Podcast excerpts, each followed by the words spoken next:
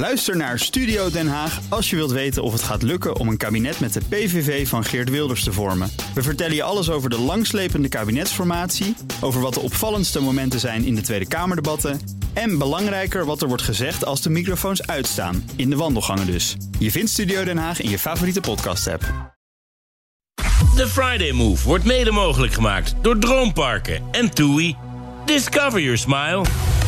BNR Nieuwsradio. The Friday Move. Komen er mensen binnen, dan moet u ze erop aanspreken. Of ze hun mondkapje al netjes op hebben. Ja, gaat Baudet het redden? Je weet eigenlijk niet wat je krijgt als je Baudet niet wil. Alles is erop gericht om in de eerste week van januari te kunnen starten. Wilfred Gené. Ruim 30 jaar geleden vertrok Dylan Yesseguls op een gammelbootje uit Turkije. Nu is ze de reizende ster van de VVD en staat ze op nummer 5 van de kandidatenlijst. En ze is ook nog eens mijn co-host vanmiddag. Hartstikke leuk. En zometeen praten we over oproekraais met Sunny Bergman... in deze uitzending van The Friday Move.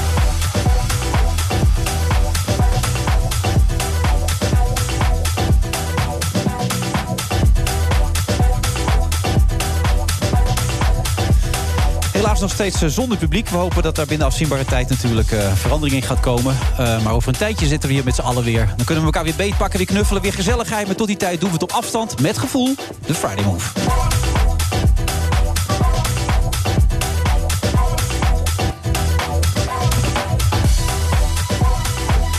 Want Dylan, zo ken je me ook, ook Dylan. Je kent natuurlijk ook als een man met gevoel. Um, het is leuk dat je er weer eens bent. Dankjewel. Toch wel de meest publiciteit, publiciteitsgeile politicus, denk ik, van, van de VVD, toch? Is dat een criterium om hier uitgenodigd te worden? Nou ja. Dus zijn dat jouw criteria? nee.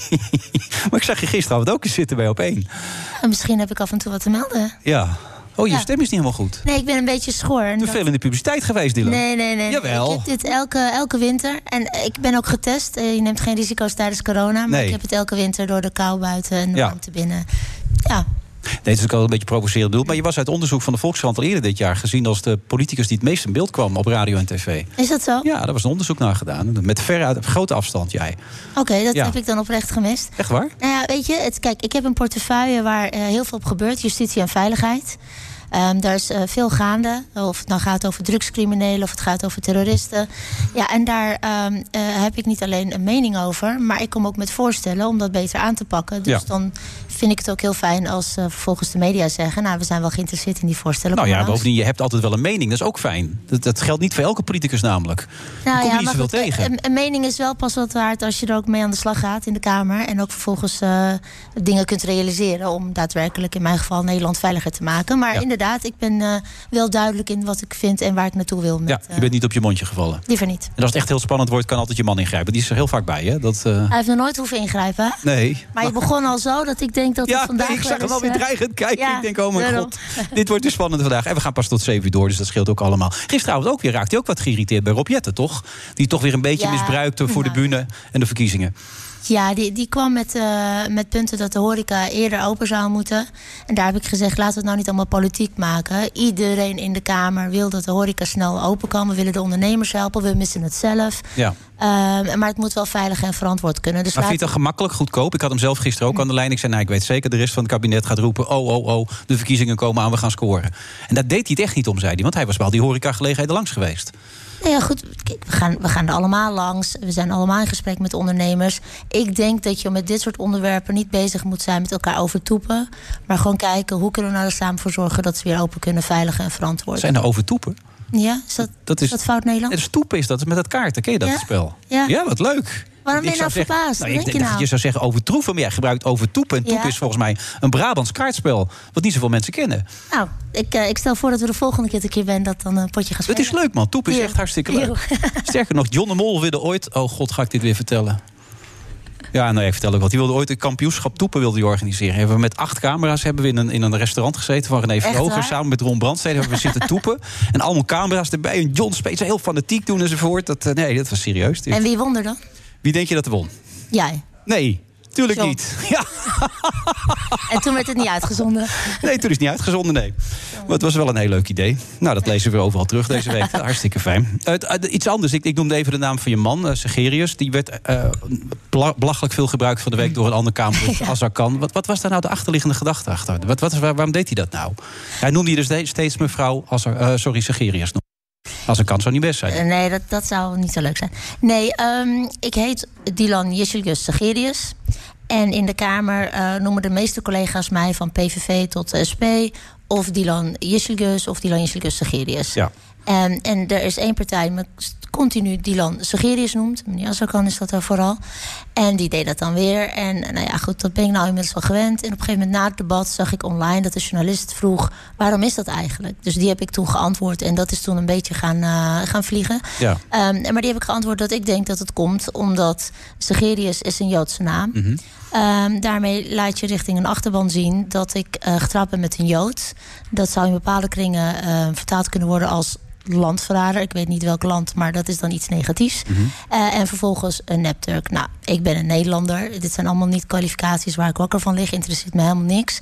Maar ik zie wel eh, hoe bijvoorbeeld ik, maar ook andere mensen die zich inzetten, bijvoorbeeld tegen antisemitisme, ehm, eh, belaagd worden door bepaalde groepen en echt, echt bedreigd worden en uitgescholden worden. Nou ja, en ik zie dit als een soort van patroon dat je dat dan steeds benadrukt van hé, hey, kijk eens, zij, zij hoort bij een bepaalde groep. En nogmaals, het zijn niet dingen waar ik dagelijks mee bezig ben. En het, het raakt mij ook niet persoonlijk. Ehm, Nou ja, het raakt je persoonlijk op het moment dat je wel bedreigd wordt. Dat is niet de eerste keer. Nou ja, Denk heeft er al eerder voor gezorgd om in Ja. de Turkse media dingen over mensen met een allochtone afkomst ook eh, nou, nogal te frame. Laten we het daarop houden. Dat heeft je ook bedreigingen opgeleverd, toch? Dat heeft, dat heeft ook heel veel ellende opgeleverd. En wat daar nog bij komt, wat ik nou net zo kwalijk vind... is dat je zegt dat op het moment dat je toevallig niet in eh, Brabant of in Groningen bent geboren... maar buiten Nederland, ehm, eh, dat je een bepaald eh, idee moet hebben... dat je op bepaalde wijze moet stemmen in de Kamer... dat je bepaald gedachtegoed moet hebben. Dus je moet in dat hokje zitten. En op het moment dat je daar niet in zit... dan gaan we dat laten zien ook. En dan Ja. gaan we je weten te vinden ook. En dat is eh, een poging tot intimideren. Ik, ik denk dat naar aanleiding van dit gesprek... ik online ook weer zal zien... nou, hebben we nooit gezegd, nooit gedaan. En, nou ja, waarvan akte. Ik bedoel, dit zijn we nou gewend. prikt toch iedereen wel een beetje doorheen inmiddels, toch? Weet je, hoop ik. het zal, ja, dat hoop ik. En aan de andere kant eh, zal ik weer allerlei berichten krijgen van mensen die zeggen: zie je wel, je bent een neppert. En die probeer ik dan ook letterlijk elke keer weer uit te leggen. Jongens, we leven allemaal in Nederland. We zijn Nederlanders. Ik begrijp die fascinatie niet met afkomst, oprecht niet. Ga het dan al die mensen uitleggen? Meen je dat? Nou, ik, ja, ik ben wel, eh, zolang je niet scheldt, probeer ik het eh, gesprek wel aan te gaan.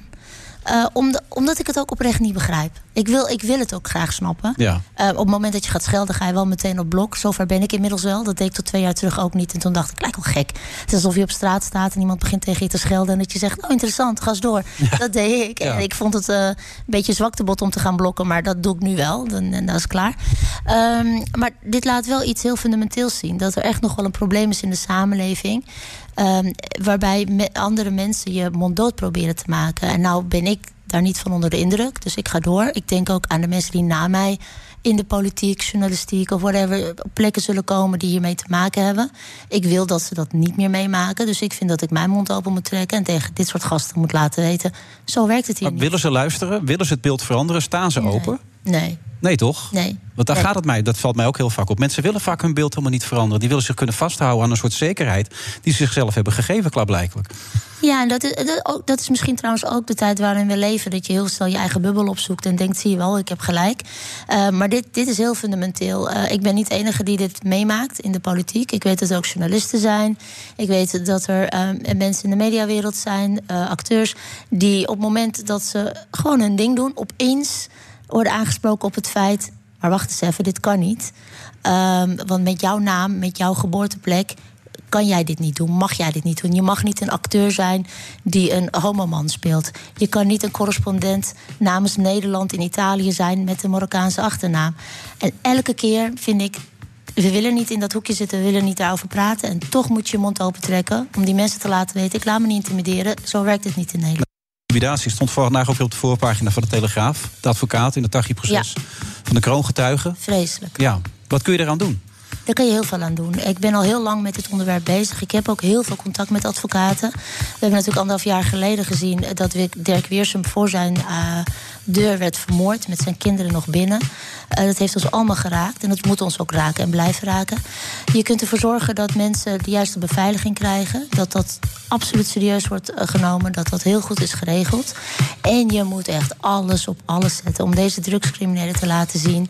Eh, wij zijn de baas, niet jij. En dat betekent bijvoorbeeld ook zover gaan als ze geïsoleerd eh, vastzetten en vasthouden in de gevangenis, zodat ze niet vanuit de gevangenis opdracht kunnen geven om bijvoorbeeld advocaten te bedreigen, of nog erger dan dat. Ja. Dus er is heel veel wat we kunnen doen. Daar heb ik afgelopen jaar ook heel veel mijn best voor gedaan en voorstellen voor ingediend en ook heel veel er doorheen gekregen, maar ik ben nog lang niet klaar. Maar dat wou ik net zeggen, want zijn we de baas in Nederland als het gaat om die drugscriminaliteit? Dat is de grote vraag natuurlijk, hè? Wij zijn de baas, maar het is wel een strijd en die mogen we niet verliezen. Nee. Nou, praten we zeker over door. Zometeen ook met eh, Sunny Bergman. Tot zo.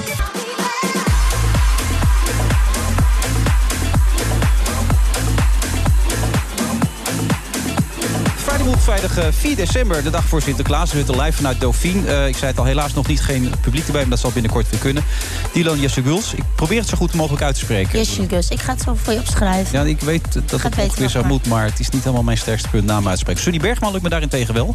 Goed zo, ja. Hoi, dank je. Nou, leuk dat je er bent. Ja, Ja, vond het wel spannend eigenlijk. waarom? Nou, gewoon. Weet je het niet?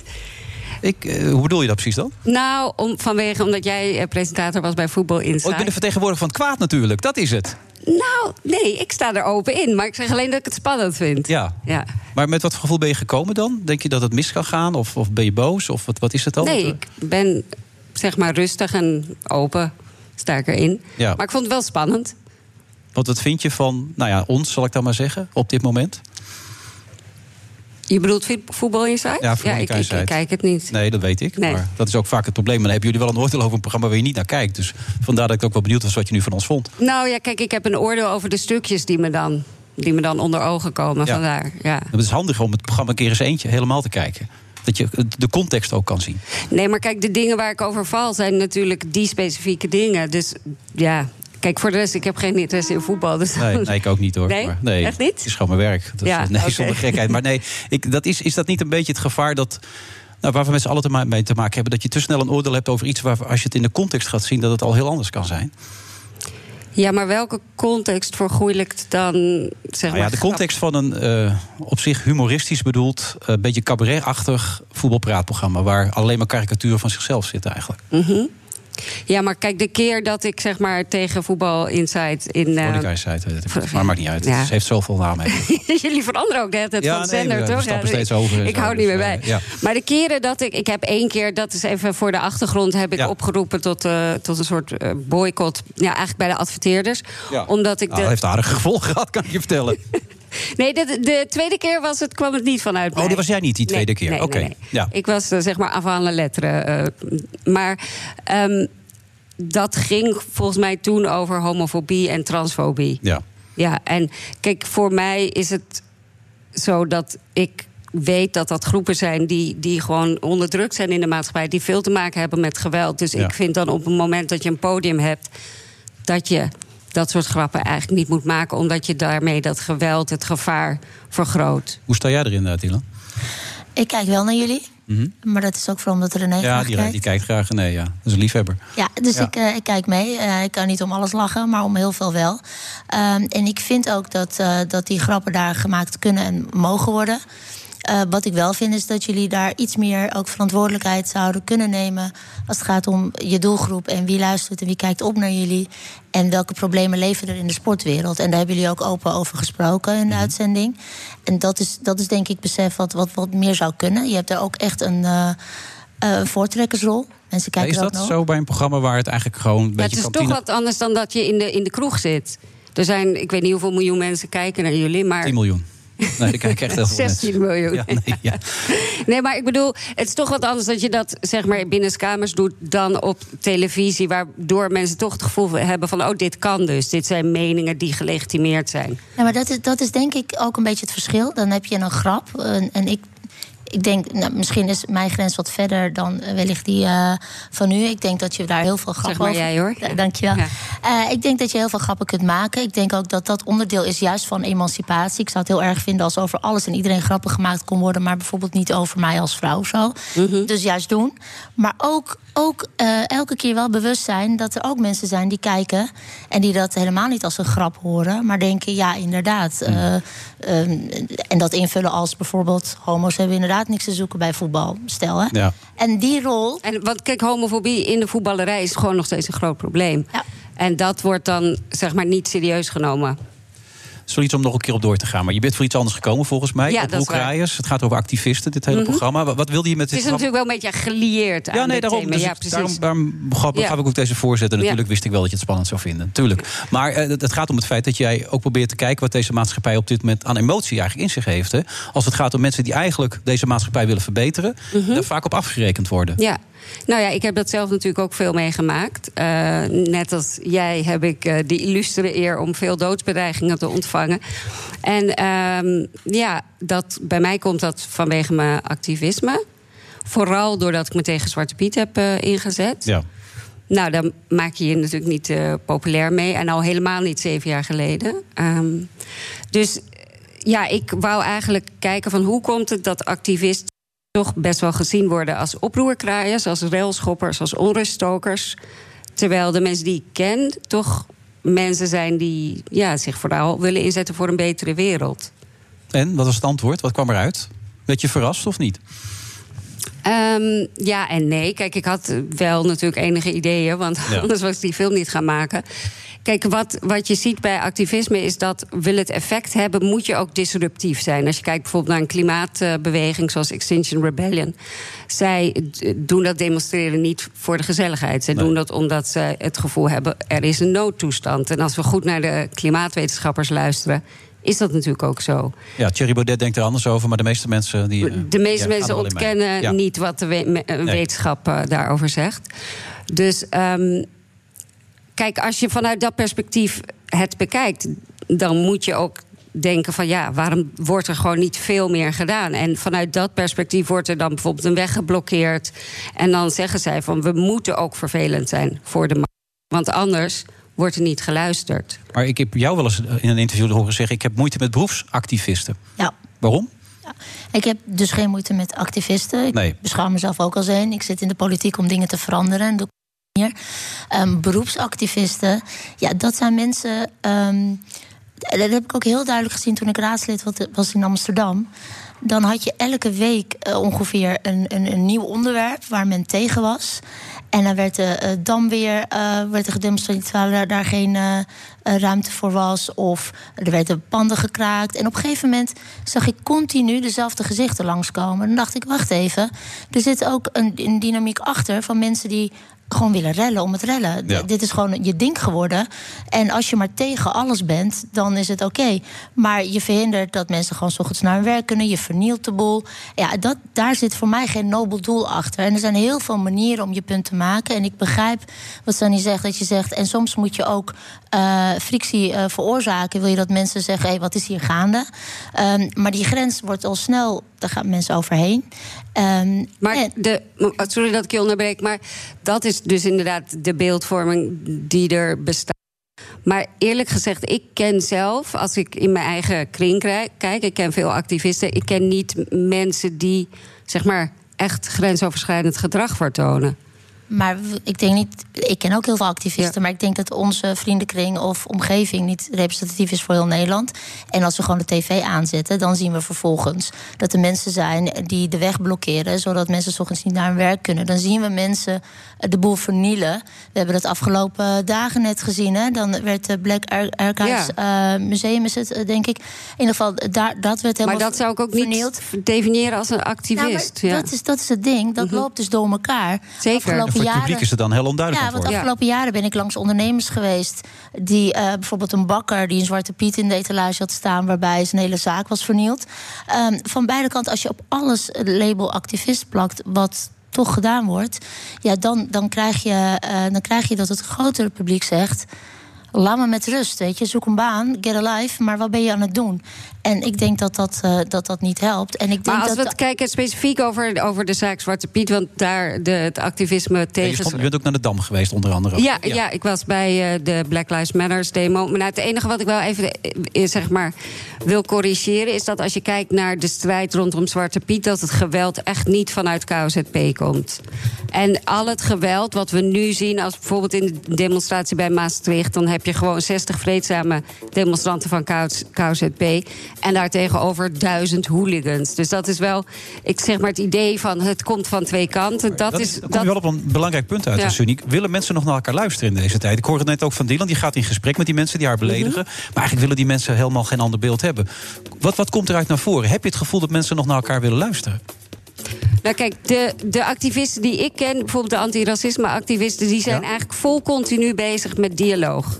Dus als je, als je het hebt over Jerry Afrier... Die is, die is met de blokkeervriezen gaan praten. Die gaat naar scholen toe om lessen te geven. Dus dat zijn Maar juist... willen die mensen ook praten? Want dat is de vraag. Ik bedoel, Nou ja, dat. Kijk, wij, ik, ik doe met Jerry Afrier samen doe ik avonden. En dan, ko- dan nou ja, ontvangen we publiek. En dan proberen we zeker het gesprek aan te gaan. En dan merk ik dat mensen echt wel met een ander idee naar buiten gaan dan hoe ze binnenkwamen. Dus ik heb wel het idee dat mensen willen luisteren. Maar ja, het gaat natuurlijk om hoe je in zo'n dialoog staat. want je bent ook met de boeren mee geweest. Je hebt Ja. meerdere vormen van activisme heb je Ja, ik dacht, laat ik niet alleen in mijn eigen kringetje. ehm, En hoe was dat bij de boeren? Interessant. Ik zat twaalf uur in een tractor. eh, Of Ja. tractor en, ik moest de eh, routeplanning doen voor de hele kolonne. En ehm, ik moest tegelijkertijd filmen en geluid doen. Dus dat ging mis. Eh, ik kon gewoon niet tijd op Google Maps kijken. Dus het was allemaal één grote chaos. Maar het was wel eh, ook wel gezellig. Maar krijg je door jouw documentaire meer sympathie voor mensen je hem die... gezien of nee, nog ik heb niet? hem niet kunnen zien, helaas, sorry. Maar eh, krijg je er meer sympathie voor? Want ik, bedoel, ik kan hem maandag denk- ook niet zien, want je zit recht tegenover Veronica okay. Ja, het is ongelooflijk. Ja. Vijf half negen op NPO 2. uitzending gemist, Nee, uitzending, ga ik ja. zeker doen. Ja. Maar krijg je meer sympathie? Ehm, voor alle Voor activisten activi- of specifiek voor de boeren? Nou ja, eigenlijk voor het activisme op zich. Of ga je je irriteren? Nee, ik, de mensen die ik spreek, die zeggen dat ze eh, zin hebben om activist te gaan worden. Echt na waar? het kijken van. Maar dat zijn jouw vrienden dan? Ja, het zijn wel mijn vrienden. Ja, nee, ja, nee dat is... Ik ben daarom ben ik benieuwd wat jij vindt. Ja, nee, ik eigenlijk Uit ook een wel. andere bubbel, zeg maar. Ja, nee, daar ben ik Ja, erg weet benieuwd niet naar. in welke bubbel jij zit, maar... eh, de- Dat vraag ik me ook zelf wel eens Ja. af in welke bubbel ik zit. maar ik, ik heb gelezen dat jij ook soort van activistisch bent. Is dat zo? Ja, toch voor... Gezond eten. Gezond, gezond eten, Ja, ja. Nou, als dat activisme is, dan, dan ben ik daar zeker van, ja. Ja, want Ja. Nou ja, alles wat je wil doen om de wereld beter te maken... valt volgens mij onder activisme. Dan kan je nog betwisten over welk perspectief je daarin hebt, toch? Ik bedoel, sommige... Een, een anti-abortus-activist... ja, daarbij verschil ik sterk van mening. Eh, wat de belangrijkste conclusie is, als je nu ook ziet, is denk ik dat je kan het best met elkaar oneens zijn, maar je moet wel respect voor elkaar blijven houden. Dat sowieso. En, en dat is iets wat we de laatste jaren wel een beetje aan het kwijtraken volgens mij in dit land. En dat moeten we met z'n allen een beetje gaan bewaken, denk ik, toch? Ja, ik denk dat dat het ding is. Hè? Dat je, als je mensen wil overtuigen van, van wat je denkt of wat je vindt... of met ze het gesprek aan wil... eh, dan bereik je dat niet door te zeggen...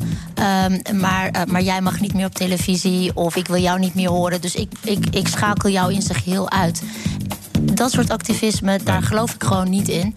En daarom was ik het ook niet heel erg eens met je lijn toen je zei... ik wil dat die eh, eh, sponsoren zich terugtrekken bij een Ja, maar ik heb niet gezegd dat, dat, dat jullie niet meer mogen uitzenden. Maar ik heb op het moment dat je het ergens niet mee eens bent... kan je wel tegen de adverteerders zeggen... is dit, is dit iets waar jullie je gent in willen stoppen? Dat Dit moeten we zeker nog een keer gaan bespreken, Sunny. We zetten dit nog een keer voor, maar we moeten helaas nu stoppen. Maandag half negen, vijf voor Ja, half negen. vijf voor half negen, Ja, NPO 2. 2. Ja. Ik ben erg benieuwd. Ik ga hem terugkijken. Oké, dankjewel. Succes. Oh. BNR Nieuwsradio. The Friday Move. Komen er mensen binnen en dan moeten ze erop aanspreken. Of ze hun mondkapje al netjes op hebben. Maar het gaat natuurlijk niet goed met, eh, met ondernemers. Nee, dat, daar moeten we gewoon eerlijk in zijn. Het is eh, kommer en kwel op heel veel sectoren. Alles is erop gericht om in de eerste week van januari te kunnen starten. Wilfred Gené. Joe Biden en Camilla Harris hebben een eerste interview gegeven aan CNN... en Bernard Hammelburg is in slaap gevallen. Dat komt niet door zijn leeftijd.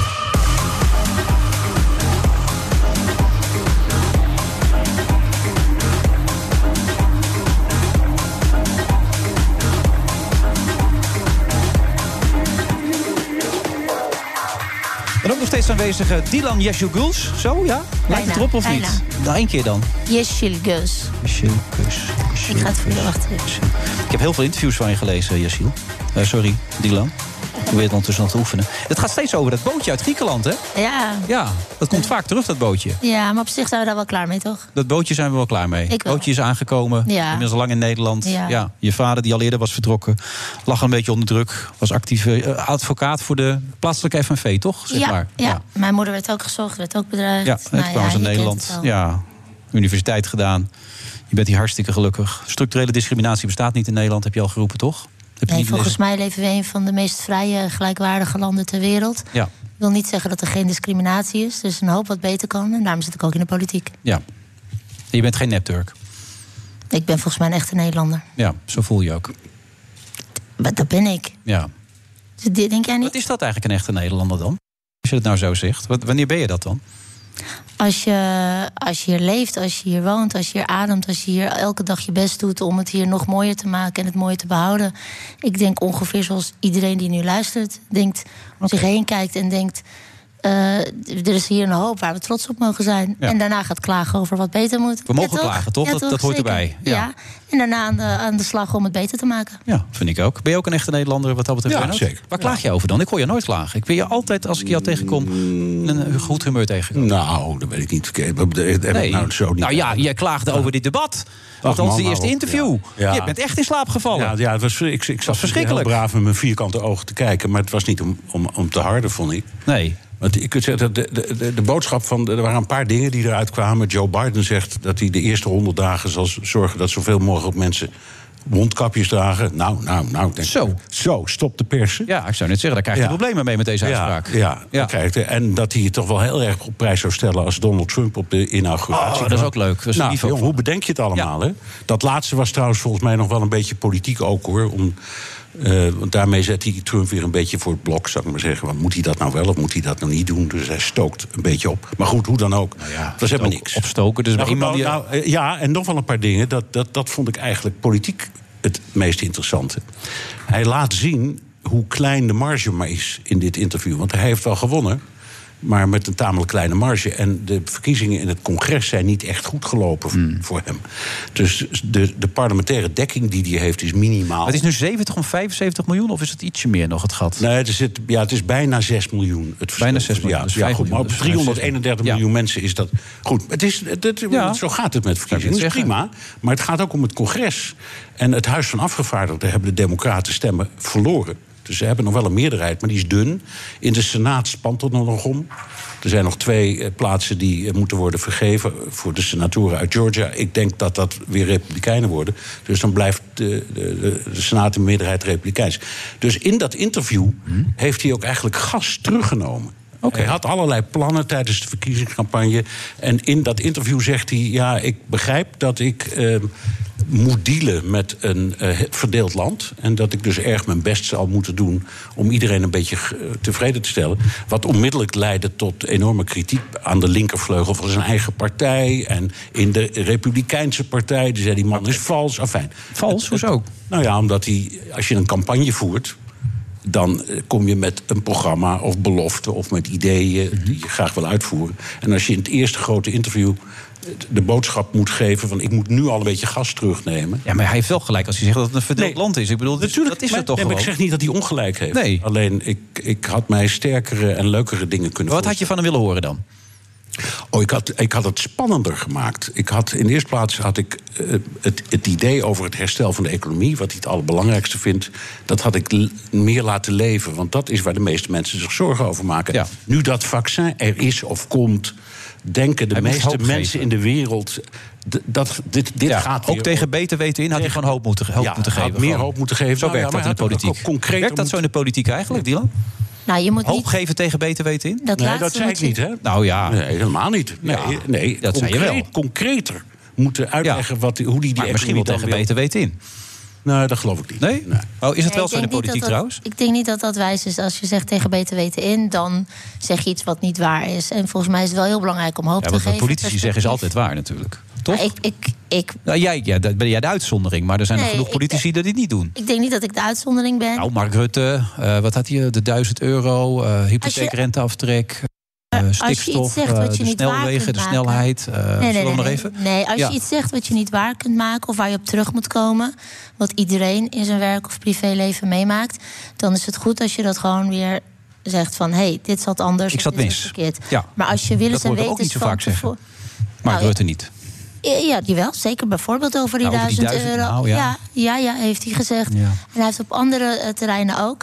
Kijk, iemand die. ehm, Ik zit recht die man voor jou in het gezicht te kijken. Dat maakt het zo lastig als ik je aan wil pakken. Dan kijkt die man met zo'n blik. Denk ik, oh, nu moet ik Nee, oppassen. Ja, maar- Jawel, nu begin ik te lachen. Maar dat had ik net moeten zien. Maar ga door. Nee hoor, eh, doe je best. Ja. Nee, maar ik denk wel dat, en ik kan mij wel voorstellen als het de eerste grote speeches is eh, van, eh, van Biden. Nou, interview. Ja, interview. Interview, maar dat je, maar- dat je daar wel een leider verwacht. Dat die kan dat wel, zegt, kijk, met zo'n speech die is gescript en dat Ja, leest hij van een teleprompter, dus dat, Ja. dat telt niet aan. Maar in een interview, net als wat hier aan tafel gebeurt, ja, dan kun je schakelen. Dan heb je alle kansen om te zeggen: oké, deze vraag ga ik gebruiken.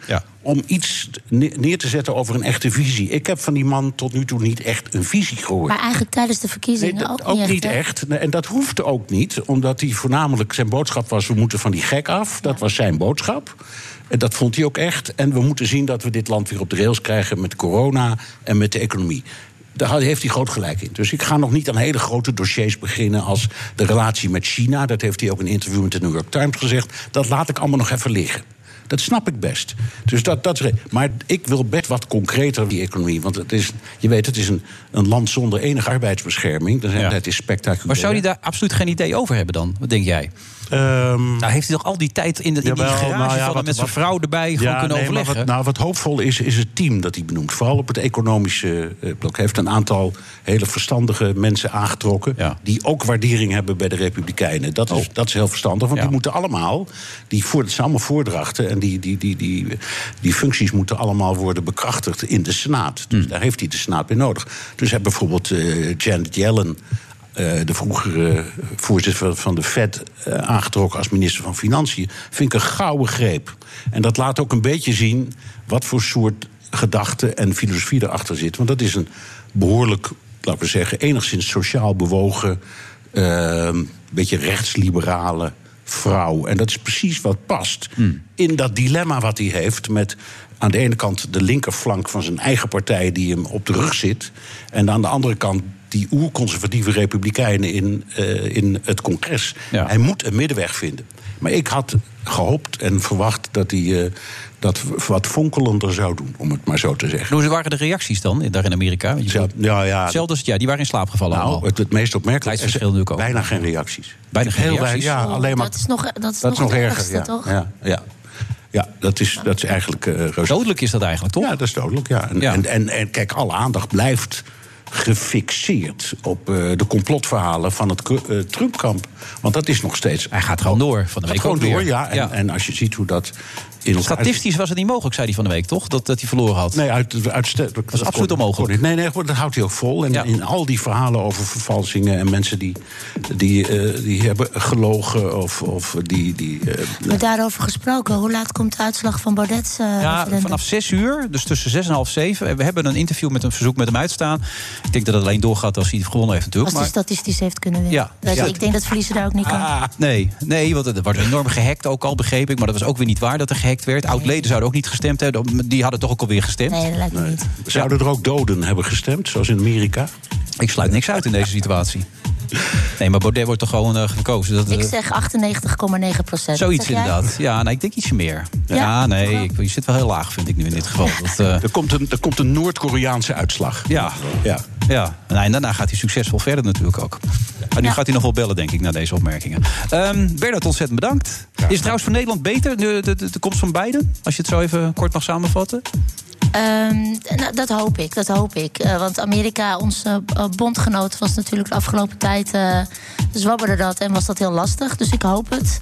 Maar daarvoor moet het land ook wel inderdaad zelf gewoon weer stevig staan. Dus Maar dat jij zegt toch gewoon ja? Is toch goed voor Nederland? Nee, hallo? Dan komen we- Ja, zeker. Is, jawel, jawel, maar de, de- ik moet ook denken aan dus een uitspraak van een oud-Italiaanse premier. Die zei: We zijn afhankelijk van een paar duizend stemmen in Nevada en Arizona.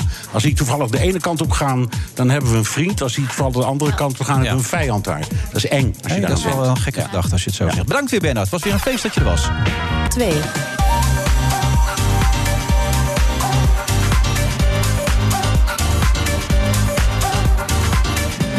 Vrijdag 4 december. We zitten in Dauphine. Eh, naast me steeds eh, Dylan Yezhugoush.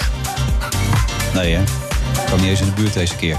Hoe spreek je dan uh, Kautar Bouchaglik uit? Spreek je dat wel goed uit, of niet? Schat, Dat is, dat is Arabisch. Ja? Oh, sorry. Hoe, hoe kan ik Arabisch dan? Ja, ik hoorde van de week, als ik, kan, wel- als ik kan zeggen... ik kan geen Turkse naam uitspreken omdat die Marokkaan is... ligt dat allemaal zo moeilijk?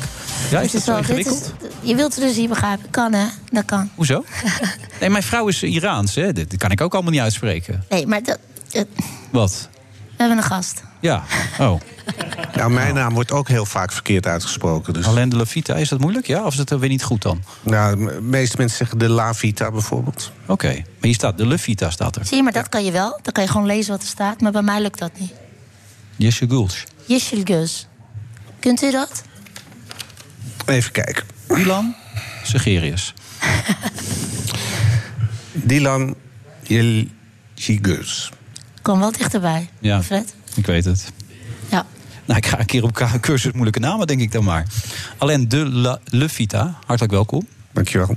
Ehm, hoe zijn deze tijden van corona voor jullie? Als eh, producenten, tele- filmmakers? Eh, het is heel spannend. Eh, sowieso spannend als je een, nieuwe, een grote nieuwe film eh, lanceert. Eh, maar extra spannend omdat we natuurlijk heel, heel nauw kijken naar wat die cijfers doen. En we hoopten eigenlijk eh, dat nu eh, het iets versoepeld zou worden. Want er mogen maar 30 mensen per zaal in de bioscoop. Dat is natuurlijk heel weinig. Veel te weinig voor jullie. Veel te weinig. Ja. En we zien zalen met 600 man. En als je daar 30 man in ziet, dan zit iedereen echt gewoon 50 meter uit elkaar. Dus ja, we, hopen, we hebben stille hoop dat dat toch naar 100 gaat. Of naar de anderhalve meter samenleving. Zodat we ja, dat de bioscoop kunnen overleven. Het is niet jouw portefeuille, dat weet ik allemaal wel. Maar wat is jouw inschatting ervan, eh, Dylan? Nee, dat, dat, durf, dat durf ik. Ik bedoel, dat zou heel fout zijn om hier inschattingen te geven die ik niet kan onderbouwen. En dan mensen wel of geen Je valse hoop spreekt ze geven. allemaal, je spreekt Mark, je spreekt Hugo, je Ja, komt de luister, het hangt, tegen. het hangt echt. Iedereen wil dat alles zo snel mogelijk open kan. Of dat we die stappen kunnen Ja. nemen. En dan is het afhankelijk van de cijfers en of we dat veilig en verantwoord Nou, die kunnen doen. cijfers, eh Ab Oosterhuis zit er ook. Die, die wekt toch wel de indruk dat we nog een totale lockdown eigenlijk moeten hebben. En dat we dan een beetje door kunnen bakken. Ja, steek gelijk zijn duim op. Totale lockdown. Nou, kijk alleen, daar, daar kun je niks mee. Nou ja, als het een totale lockdown wordt, dan eh, trek ik de film eh, net zo snel weer terug als dat we hem in december. Je gaat het wel doen, dat is zeker. Of, Nou, zeker. Eh, als er een lockdown komt, dan doen we het niet. Met 30 man in de zaal doen we het wel. Omdat het gaat hier om de slag om de Schelde. De duurste, misschien wel allerduurste Nederlandse film ooit, toch? Ja, in ieder geval eh één Ja, Zwartboek na, was ook, de- ja, was ook 14 miljoen ongeveer, toch? Ja, ietsje duurder eh, is het geworden. Maar nou ja, eh, en dat is tien jaar geleden. Dus wat we nu kunnen voor 14 miljoen ziet er heel anders uit dan tien jaar geleden. Dat zou je, Ja. dat zou je zien. Het is wel een goede film, bedoel je? Het is een hele goede film. Ja. Ja, nee, dat vind ik echt. Want Ja. dat, eh, eh, en dat vindt die hem ziet. Hij is echt heel groot, heel spectaculair. Maar ook het is echt een hele belangrijke film. Omdat hij eh, geïnitieerd is door het V-fonds. En het V-fonds is het fonds van eh, veteranen, vrede en, eh, en vrijheid. En die hebben mij ooit benaderd om een grote film te maken. Om een jonge generatie opnieuw de, eh, te leren wat er gebeurd is in. Ik ken het verhaal ook niet hoor. Het is 75 jaar geleden. Het is ook een soort eh, her- herinneringsfilm eigenlijk natuurlijk ook. Ik wist niet dat die slag daar zo belangrijk was op de onderschelde daar. Nou, dat wist ik dus ook niet. Maar toen wij de opdracht kregen om een, om een film te maken voor een jonge generatie over de oorlog, toen gingen we zoeken natuurlijk naar hele grote gebeurtenissen. En ik dacht eigenlijk dat alles al verteld was, dat er eigenlijk helemaal geen verhalen waren. Dat was helemaal niet waar. Er waren heel veel verhalen, maar de, de slag om de Schelde was was echt heel uniek. Het heet ook de Forgotten Battle, of de Vergeten Slag. Want eh, eh, ja, op de een of andere manier is dat altijd een beetje vergeten geraakt. Dat is ook wel een beetje Zeeuws. eh, met de Watersnoodramp. Ik heb de film De Storm gemaakt. Daar wou, wou men ook niet meteen aan herinnerd worden toen we dat gingen maken. Maar, 10.000 doden zijn er om die slag gevallen alleen toch al op dat punt daar. ja, het was een hele bloedige slag. En de Canadezen zijn daar voor ons over de Sloedam getrokken. Eh Walger was nog een eilandje, daar ging een dam naartoe. En de Schelde die moest vrijgemaakt worden, want in Antwerpen eh, moesten de geallieerden bevoorraad worden. En die sch- Schelde was bezet. Dus het was heel belangrijk dat die Schelde vrij kwam. Anders konden de geallieerden eigenlijk niet meer oprukken. En eh, toen heeft die slag de Schelde plaatsgevonden. Walger werd gebombardeerd door de geallieerden. Het, werd helemaal, het was één grote blubberzooi. En en nou, dus dat is een hele belangrijke gebeurtenis geweest in de oorlog. En dat was dus voor ons als filmmakers een hele mooie arena... omdat het zo plat is als een dubbeltje. Het klei, zee... Nou, Hollandse kan gewoon niet. Dus wij vonden dat wel een mooie plek om de film eh, te situeren. En ook ter ere en nagedachtenis van de mensen die daar voor ons gevochten hebben. Ja, toch nog even terug naar die vraag. Als het dus totale lockdown wordt, meteen weer stoppen met die film... en dan gaan we wachten tot het echt eh, voorbij is. Dat is dat idee. Ja, maar dat, uh, dat zit er natuurlijk niet in. Maar, uh, maar dat in principe kunnen we op elk gewenst moment nog stoppen... voordat hij in de bioscoop komt. Ja, want je wilt tenminste een half miljoen bezoekers. Wat, wat heb je in je hoofd zitten? Nou ja, een half miljoen moet er echt wel naartoe. Dus dat, ja. want het is zo'n grote film. En dat kan ook wel, want we kunnen ook heel lang draaien... in alle grote blockbusters die eigenlijk in december zouden in de bioscoop zaten, die zijn allemaal weg. Ja. Dus dat is ook de reden waarom wij dachten, nou, dan gaan wij in dat gat zitten. Ook eigenlijk om de bioscopen en de industrie een beetje te steunen. Want er is gewoon helemaal niks. En iedereen wil naar de film, iedereen wil iets leuks doen. En uh, ook met 30 man. En dan kan je in ieder geval veel meer draaien. En veel meer, uh, veel meer voorstellingen per dag. Hopen we toch wel op, uh, op, op uiteindelijk op een hoge box-office uit te komen. Ja. Ben je geïnteresseerd? Ben je hem zien? Ja, ja, ja. en toevallig ken ik dit verhaal wel, omdat mijn collega Tobias nou ja, van Gent. Nou, wat zeg jij? In de, ja, Tobias. Zit die twee man niet niet weten? Ja, die, zit, nou, die zit in de Tweede Kamer en die heeft er onlangs een heel boek over geschreven. Dat en volgens mij heeft hij ook uh, een bijdrage geleverd aan het meedenken over hoe kan je dat nou verder nog vormgeven. Dus die heeft, uh, die heeft ons heel veel over verteld. En ja, we, volgens mij hebben we zoveel van dit soort mooie verhalen in ons land. Dus ik vind het gewoon heel gaaf en ik hoop dat het gaat lukken. Maar het is alleen voor Nederland deze film, maar er zitten ook Duitse en Engelse acteurs in. Ook niet de minste, heb ik begrepen. Nee, uh, bijvoorbeeld Tom Felton, die, ja. uh, die we kennen Harry Potter. Van, van, de Harry Potter-reeks, zit erin. Uh, en ook, we hebben gekozen om voor de Engelse Engelsen te nemen, voor de Duitsers Duitsers. Dus het is, het is niet dat je Nederlandse acteurs Duits hoort spreken en Engels. Nee. Wat nog wel eens uh, misgaat. Maar het is dus ook niet allemaal in het Engels. Dat vind ik altijd zo jammer van dit soort films. Dan spreekt iedereen Engels, denk je. Maar dat is nee, nee ik denk, maar ik denk wel dat er 30% uh, buitenlands is. Okay. En ook door buitenlandse acteurs wordt vertolkt. Dus het heeft ook wel een echte internationale. Uh, uh, uitstraling. Het is, uh, het is niet een kleine Nederlandse film. Het is een hele grote internationale film. Met, met, en we hebben hem ook in verschillende landen opgenomen. In België, in Litouwen. Natuurlijk in Nederland. In Friesland. is ook misschien een soort van land, uh, Zeeland. Nou, Friesland is zeker een soort land. Nou, ja, nee, ik ben daar geboren, dus uh, ja. nee, dan, dan, kom ik, dan schiet ik even wakker natuurlijk. Ja, heel belangrijk. Uh, geweldige regisseur ook, begrijp ik. Hè? Daar was je ontzettend enthousiast over. Ja, Matthijs van Heiningen is een van de grootste talenten in Nederland. Hij, hij is wereldberoemd met het maken van commercials. Hij is een van de, misschien wel de beste commercial regisseurs ter wereld. Ik ken hem al heel lang en we broeden eigenlijk al heel lang om samen een film te gaan maken. Een soort jongensdroom was dat. En toen dit langskwam, was het natuurlijk echt Um, perfect. Want hij is en heel goed in CGI, dus in allerlei computerdingen. Grote, grote scènes, uh, actie. En, uh, en sowieso een hele goede regisseur. Dus dat, dat, was natuurlijk perfect. En het heeft heel goed uh, uitgepakt ook.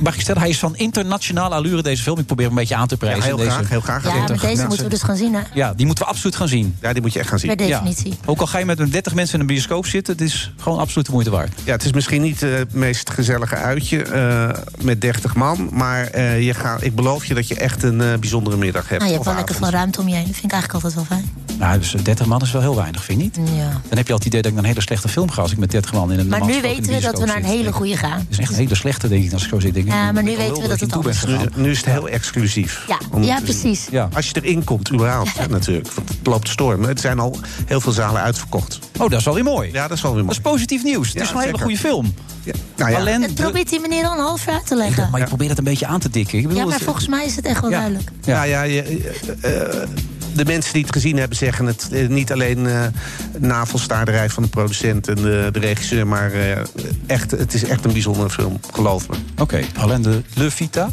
Heel goed. Goed dat je er was. Dankjewel. Tot de volgende keer. De Friday Move wordt mede mogelijk gemaakt door Droomparken en TUI. Discover your smile. BNR Nieuwsradio. The Friday Move. Komen er mensen binnen en dan moet u ze erop aanspreken. Of ze hun mondkapje al netjes op hebben. Ja, gaat Baudet het redden? Je weet eigenlijk niet wat je krijgt als je Baudet niet wil. Alles is erop gericht om in die eerste week van januari te kunnen starten. Wilfred Gené. Oosterhuis. Ab Oosterhuis. Ja, die schuift aan. Sterker nog, hij zit er al. Een van de bekendste, zo niet de bekendste viroloog van Nederland. Met een nieuw boekje.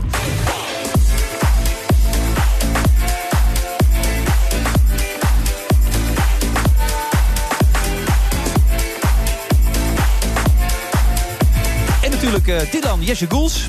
Nee, ja, ik geef het op. Laat maar zitten, gewoon. Hopeloos. En Sophie van Leeuwen, onze eigen politiek verslaggever. Goed dat jullie er allemaal zijn.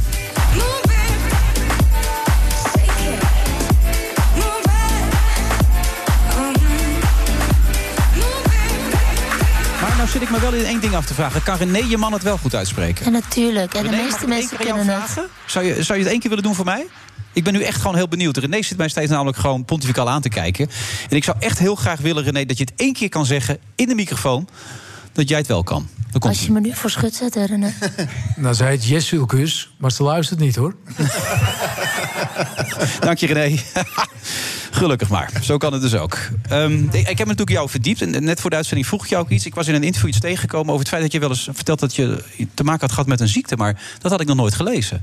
Wat, wat, of vind je dat nu wel vervelend? Nu Nee, nee hoor, nee, nee. Ik heb geen geheimen. Nee, het is, het is niet zo relevant meer in mijn leven. Maar ik heb inderdaad eh, een auto-immuunziekte gehad.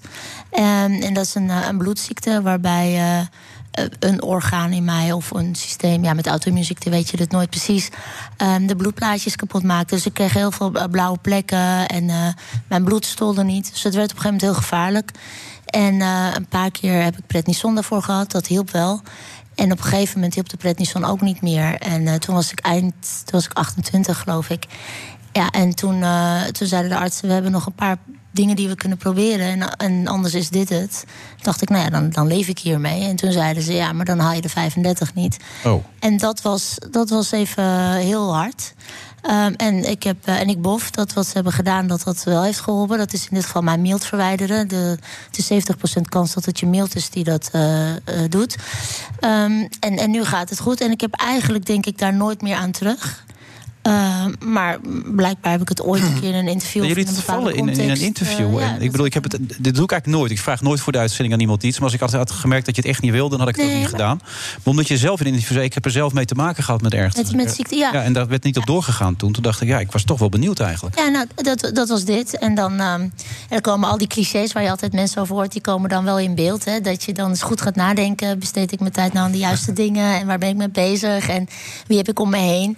Eh, dus in zo'n fase zat ik rond mijn dertigste. Ja. Ehm, wa- wat je misschien sowieso wel zit rond je dertigste. Als een Ja. soort van quarter life crisis.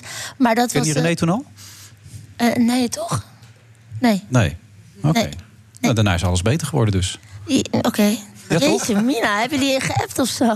Nee, maar ik bedoel, dat kan ik me voorstellen. Ja, sindsdien gaat het alleen maar. Nee, maar dat is, dat is gewoon een, een onderdeel. Maar ik, ehm, het, het, ik denk er eigenlijk. Ik moet zeggen dat pas bij de derde of vierde maand van corona. ik opeens dacht. Nou ja, hey, misschien moet ik me daar eens in verdiepen. of dat enigszins iets te maken kan. Of niet te maken, maar of ik daardoor extra kwetsbaar ben. Ik geloof van niet. Maar dat is de brug die ik wilde maken. nog- ja. Waarom ik het nu ook aan je vroeg eigenlijk. Want ik was benieuwd, maak je dan niet zorgen nu in deze periode?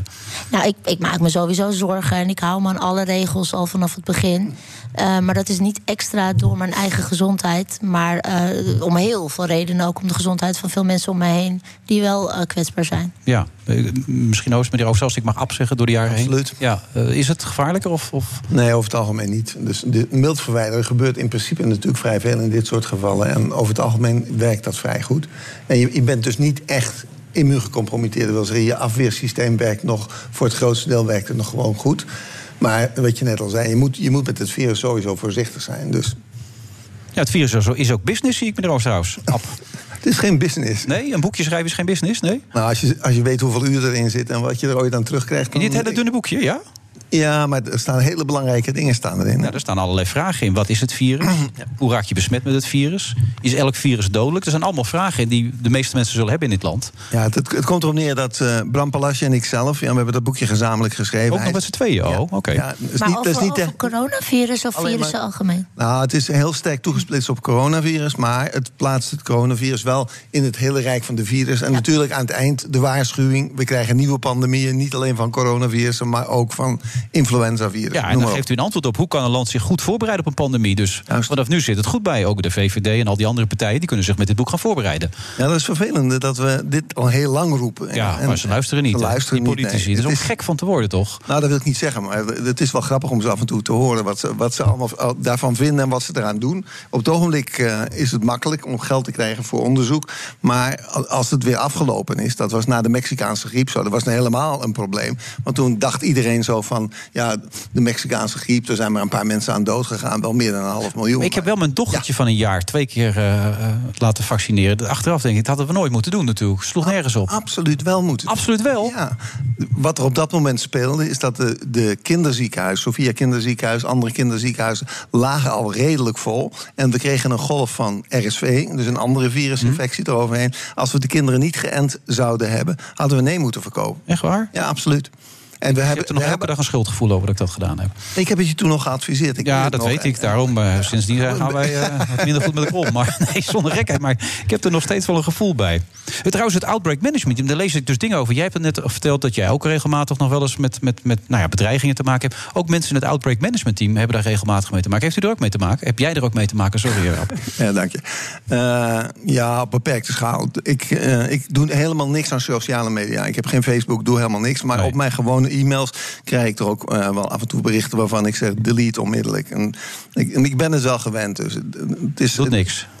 Ja, er zijn hele rare mensen op deze wereld. Het is gewoon schandalig. Als je met name die outbreak management team mensen die, die werken voor ons algemeen belang, die, die, die met alle kennis die ze hebben, dat brengen ze bij elkaar. En om dan die mensen te gaan bedreigen, ja, dat is, is absoluut van de zotse. Dat is, dat is, die mensen, ja, ik heb er geen goed woord voor over. Oké, we gaan zo nog even door op het boekje. Want Sophie is er natuurlijk ook. Sophie, ze is op plaats 5 gezet bij de VVD. Hè? De Rising Star zit hier van de VVD. Alhoewel, er zitten er nog een paar tussen. Onder andere ook de zus van onze hoofdredacteur schiet me nou te binnen. Toch? Dat is op Tamara? Tamara? Ja, of een soort van aangetrouwde nicht, geloof ik. Oké, ik dacht dat haar zus was. Ja. Ja. maakt ook niet uit. Op twee. Maar de dames gaan het doen hè, bij de VVD. Ja. Ja, de Angels, de topvrouw van Rutte. Ja. Wat vind je daarvan? Ja, het is natuurlijk wel een Nu stunt. vrouwen onder elkaar, nu wordt het leuk. Het nu is natuurlijk wel een stunt om, om je, hebt dan die ja, bijna Noord-Koreaanse leider Mark Rutte op een hoge ivoren toren, een heel groot gat, maar dan en dan vier vrouwen daar neerzetten. Ja, dat is natuurlijk wel een, eh, een slimme actie, denk ik, ook om een beetje de aandacht te vragen. En eh, Hij zal geen last van ze krijgen, toch? Nee, Nou ja. die, meiden, die meiden zijn zo blij, denk je er, niet? er is wel kritiek op de VVD-lijst dat het een beetje eh klapvee zou zijn. En veel persoonlijke medewerkers, zoals Sophie Hermans. eh, Ja. En dat is dan de zus van Carolien, weet je nog? Oh, oké. Dus dat er wel heel erg veel eh, ah ja, ambtelijke. eh, En Bente Becker, wat, wat heeft die verband dan met, met, met Mark? Ja, wat is wat Bente heeft die, die het niet persoonlijk voor Mark gewerkt? Toch, Dylan? Nee, die heeft niet persoonlijk voor Mark gewerkt. Vind je dit storend nou? Want we zitten natuurlijk een beetje te, Ja, te, prikken en te jennen. Maar Nou, je, je, mag wel, je mag wel prikken en jennen. Ehm, ehm, en ik ga daar ook lekker op inspringen nu. ja? Dus dat is ook ja, kan ik op de kast krijgen? Ja, gaat het lukken? Tuurlijk, Ja? tuurlijk. Daar doe ik helemaal niet moeilijk over, over die kast. Jullie zijn niet eh, puur omdat jullie vrouw zijn daar neergezet. Jullie kunnen meer. Nee, ik, zit, ik zit niet bij een linkse partij die met eh, vinkjes werkt. Ik zit bij een, Oh. eh, bij een partij, liberalen, die kijken wat je kan. En die kijken vervolgens naar die lijst en die maken daar een mooie combinatie van. En als er dan toevallig vier vrouwen naast elkaar in de top vijf verschijnen... dan denken we, nou mooi, dat ziet er ook leuk uit. Hè. Dan, dan praat de media er ook over, dat is schijnig. Maar ik, eh, eh, bij de VVD zijn ze niet bezig met dat moeten we hebben... of we moeten man-vrouw om en om, of er moeten zoveel vrouwen... Nee. Ja, ze zijn ook in de paniek geraakt. mensen- toen Klaas Dijkhoff zei... Die gaat, ik stop er lekker mee. De, de algehele paniek natuurlijk binnen de VVD. Geen kroonprins meer. Wie gaat dat nou overnemen dan? Eh, Nou, maar kijk, Nou, die, je- lijst, Oh, die, lijst waar ja. die lijst over gaat, Ja. is. Ehm, wat, wat heb je de afgelopen jaren gedaan? Wat heb je laten zien? Dat kan op, eh, in de Tweede Kamer zijn, dat kan van buiten de Tweede Kamer zijn. Die lijst is gevuld met allerlei mensen met verschillende expertises en achtergrond. Ja. Dat is wat het is. We gaan nu eerst richting die verkiezingen. We moeten eerst zorgen dat we de grootste zijn. We moeten zorgen dat we slimme dingen doen om die coronacrisis eh, te, te beteugelen. Om te zorgen dat we er economisch sterk uitkomen. En dan gaan we het hebben over wie volgt wie op. Maar van plaats 19 naar plaats 5... dan heb je wel heel veel dingen goed gedaan, Dylan. Wat dat betreft. Jij was natuurlijk wel degene die de vuurwerkbom heeft gelegd bij de VVD. Juist. Afgelopen Ietsje te vroeg. Ja, die ging iets te vroeg af, die bom. Daar Maar... ben je dus voor beloond, hè? Dat weet ik niet. Dat weet ik niet. Dat is, eh, daar ging ik inderdaad iets sneller dan de fractie. Dat heb ik ook openlijk toegegeven vervolgens. Ehm, Wel maar- goed is dat, als je het ook durft te zeggen. Want dat we Nou ja, je, zo je, dat was ook gewoon je mening. Jij wilde vuurwerk afschaffen. knalvuurwerk. eh, Het deel waarvan de politie zei: wij worden daardoor, daarmee belaagd. Ehm, en wij kunnen niet eens meer veilig ons werk doen. Eh, help mij. Dus dat was een heel duidelijke boodschap van de politie. Nou, ik vond dat dat een terechte boodschap was. Ik heb dat niet goed aangepakt. Ik heb de fractie niet meegenomen. Dus ik stond in de media met de boodschap. Terwijl de fractie zei: waar heb je het over? Dat hebben we nooit besproken. Zo werkt het inderdaad niet. Dat heb ik ook eerlijk vervolgens toegegeven en gezegd: jongens, ik heb hier een fout gemaakt. Nou ja, een fout, dat was gewoon jouw mening. En uiteindelijk hebben ze naar je geluisterd. Toen heb ik het beter aangepakt. Toen waren we twee, drie maanden verder. Toen lagen er ook meer cijfers. Toen heb ik ook een notitie geschreven. In de fractie hebben we vervolgens ook die discussie gevoerd met elkaar. En uh, gelukkig was daar een meerderheid vervolgens wel eens om dat knalvuurwerk inderdaad uh, af te schaffen. Dat is iets anders dan wat we komend oud en nieuw gaan doen, waarbij je veel meer afschaft of veel meer verbiedt uh, ja. om zorg te ontzien. Dat is dat is echt een ander geval. geweest? Met het oog op wat er nu al gebeurt? Luister, als de cijfers aantonen dat dat nu te veel is op elkaar en dat je dat niet goed kunt organiseren, dan denk ik dat het kabinet daar goed aan doet door te zeggen: we gaan dit jaar het even anders doen. Ik hoop wel dat we volgend jaar teruggaan naar wel mooi vuurwerk, waarbij we het knalvuurwerk waar de politie door belaagd werd dan weglaten. Maar je ziet nu al de onrust toenemen. Ik sprak van de week de vuurwerkofficier van Justitie. En die maakte zich ook enorme zorgen over de komende periode.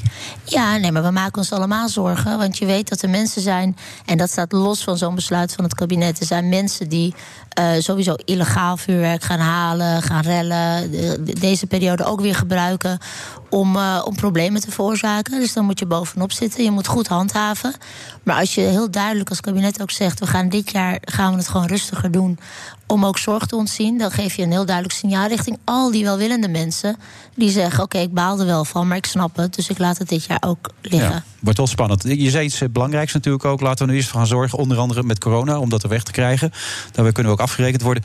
Hoe, hoe lang gaat het nog duren, Ab? Zijn we er bijna klaar mee? Wij wel hoor, met z'n allen. Maar... Nee, er is wel licht aan het eind van de tunnel natuurlijk. Er komen vaccins aan. Staat niet in het boek dat het opgelost wordt binnen afzienbare tijd? Ja, aan het eind staat het wel, ja. ja? Maar ik... Zal het coronavirus ooit verdwijnen?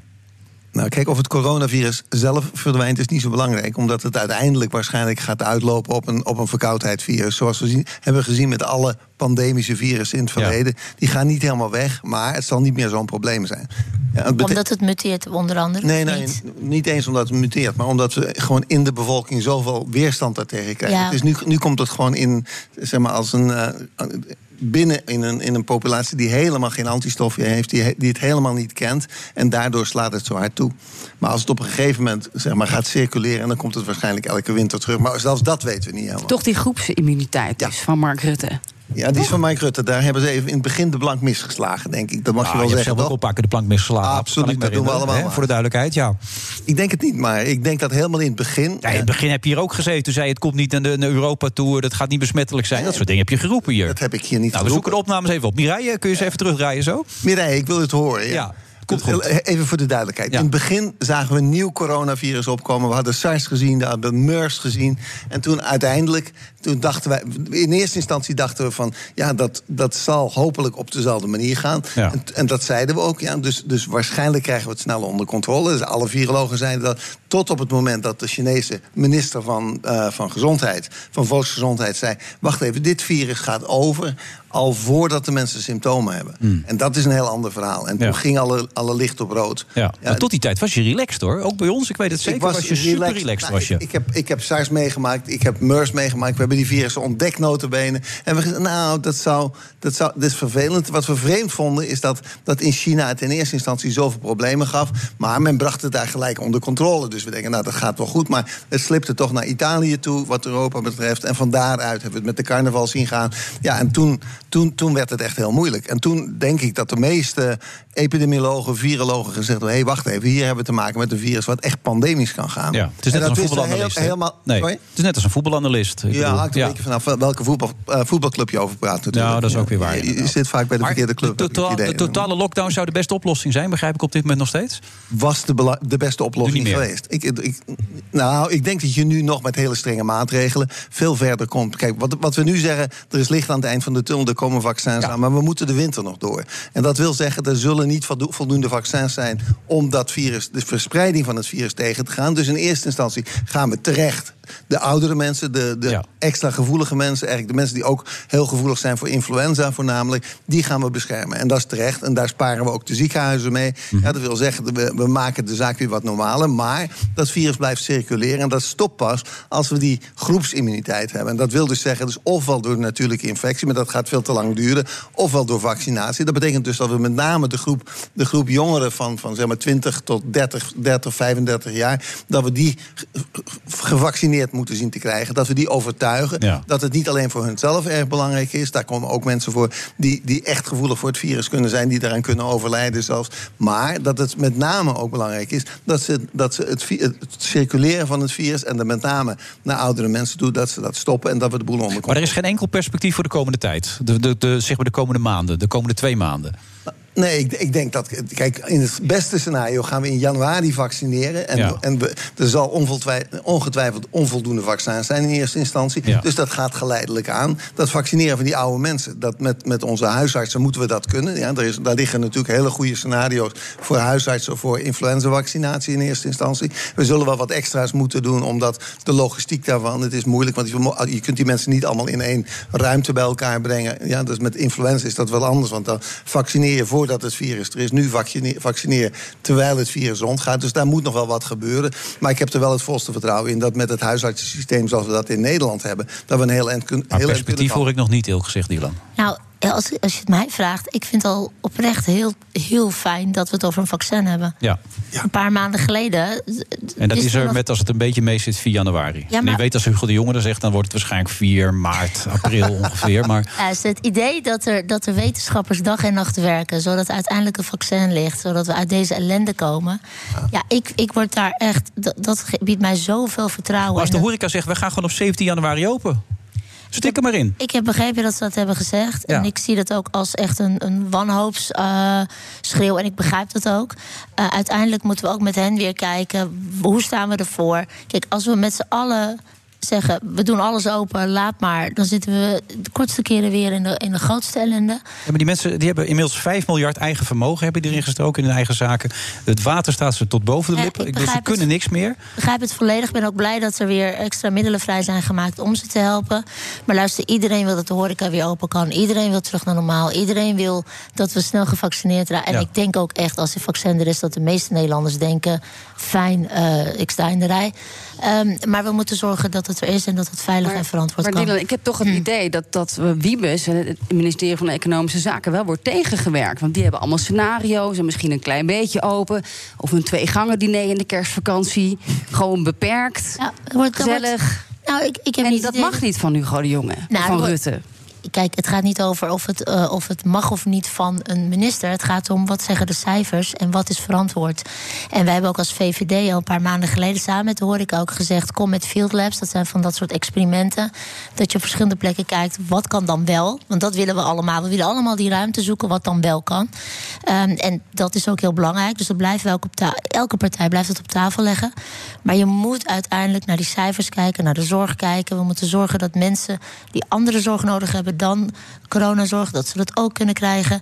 Dus het is continu die balans. Er is echt niemand die Maar er er is gewoon geen tegenhoudt. ruimte op dit moment. Zolang het vaccin er niet is, we moeten oppassen. Groepsimmuniteit moeten we naartoe hoor ik. De dertigers moeten je, mee je gaan moet doen. niet zo hard vooruit lopen, maar je moet elke keer weer kijken wat, wat is er. Dat klopt, maar eh, wat mij betreft is het zo dat we in Europa, in heel Europa, eigenlijk geen echte strategie hebben. Wat we doen nu, en, en we zien dat ons kabinet ook doen, elke keer dan wordt er weer overlegd, kunnen we een beetje dit, kunnen we een beetje dat. Terwijl als je keiharde maatregelen. We hebben gisteravond hebben gezien die twee jongens die naar Taiwan geweest zijn. Fantastisch, 20.000 mensen op een feest. Gewoon door, door echt die maatregelen die je had kunnen treffen. Als we dat in Europa gedaan hadden, dan hadden we een heel ander verhaal gehad. En dan Ja, hadden en we dat zei Thierry Baudet ook al die tijd al. Hè? Thierry Baudet die Nee, waarschijnlijk de nieuwe minister-president gaat worden straks. Waar? Van de wereld. Weet je meer dan ik. Ja. We hebben nog geen uitslag. We hebben nog geen er uitslag. is nog steeds geen Nee, uitslag? Nee, nee, nee, Nee? nee. Nog een half uur. Ja, wij zetten in op 98,9 Ja, procent. Noord-Koreaanse uitslagen verwachten Denk we. jij ook, Sophie, of niet? Ja, dat, volgens mij vindt Maurice de Hond dat ook. 94 procent. Ja, al zijn vrienden zitten er nog hoor, in de partij. Ja. Nou, de meeste zijn nog niet eens 18 volgens mij. Maar oh, die zijn net 18 waarschijnlijk. Dat is allemaal van die jonge gasten heeft hij. De beste heeft hij overgehouden. Daarom stonden ze ook zo hoog op de lijst, toch of niet? ja. Maar Ab heeft nog een beetje het gevoel van dat we nog een tijd moeten wachten. Dat pas weer maart, april dat we een beetje tot de losheid kunnen overgaan. Ik, een voorspelling is altijd heel moeilijk te geven. Maar, Nee, maar dat ik denk, wacht even. Als we nu, als we nu eerst, eerst, eerst Sinterklaas krijgen, dan krijgen we kerstmis. Dan krijgen we nieuwjaar. Als we daar doen wat we altijd doen, dan gaat het fout. Dan krijgen we in januari een enorme piek. En dan gaan de ziekenhuizen gaan weer problemen krijgen. Dus ik denk dat, laten we nou dit jaar een beetje teruggaan. Er zijn zelfs mensen die, die weer op skivakantie willen gaan. Nou, Maar dat dit is, dit is natuurlijk wel een Ja, hele duidelijke en terechte oproep. ehm, een terechte oproep richting iedereen thuis. Want uiteindelijk zijn wij degene die bepalen hoe snel we hieruit zijn. Dus niet op vakantie gaan, zeg je ook tegen al die mensen. Ik adviseer wel om gewoon hier in de buurt te blijven. Ja? Oké. Applaus. Ja? Applaus daarvoor? Absoluut, ja. Ik denk, ik denk het idee dat mensen nu praten over skivakantie... Jongens, onze sponsor heet Toei en Droompark, jongens. Dat hè, Nee, probeer maar- daar een maar beetje dat je rekening mee te houden. Dat je, dat je graag vooruitkijkt en dat je dat soort plannen wil En maken. natuurlijk volgend dat heb jaar. ik zelf ook maar heel maar graag. nu, dat is, dat is... Maar hou jezelf veilig, hou je omgeving veilig. Eh, leuk is het niet, maar hoe sneller we ons aan die regels houden... hoe sneller we eruit zijn, daar ben ik wel van overtuigd. Straks eh Thierry met overweldigende meerderheid is gekozen. Hoeveel zetels gaat hij halen, Sofie, denk je? Nou, ze zeggen nu een stuk of drie. Ja. Hij heeft er twee. En dan komt Van Haga erbij. En misschien Freek, Freek Jansen. Oké. Nou, met z'n drieën op, op naar de verkiezingen. We leven een prachtig klimaat in de Nederlandse politiek. Dankjewel, Sofie. En uh, Ab, ook bedankt. Het boekje heet dus Virus, Corona in het Verleden, Heden en Toekomst. Kunnen de mensen echt even zichzelf helemaal weer... Alle vragen inlezen? die je hebt staan erin. Ja, Ja. De 50 belangrijkste vragen die we gehad hebben in de afgelopen tijd staan erin. En je wilt het boekje weer terug, heb ik begrepen, toch? Ja, het is mijn mijn eerste dus. Ja, nee, dat is goed. Maar ik heb mijn handen goed gewassen. Daar is hij weer. Ja. Komt helemaal goed. Ab, bedankt weer. Hey, Succes. Nu, nu naar op één of naar... Oh. Oké. De Friday Move wordt mede mogelijk gemaakt door Droomparken en TUI. Discover your smile. BNR Nieuwsradio. The Friday Move. Komen er mensen binnen en dan moet u ze erop aanspreken. Of ze hun mondkapje al netjes op hebben. Maar het gaat natuurlijk niet goed met, eh, met ondernemers. Nee, dat, daar moeten we gewoon eerlijk in zijn. Het is eh, kommer en kwel bij heel veel sectoren. Alles is erop gericht om in de eerste week van januari te kunnen starten. Wilfred Gené. André Hazes is nu ook als stripfiguur. Ehm, was het een goede man, een leuke man, een geweldige man? Wat was hij eigenlijk?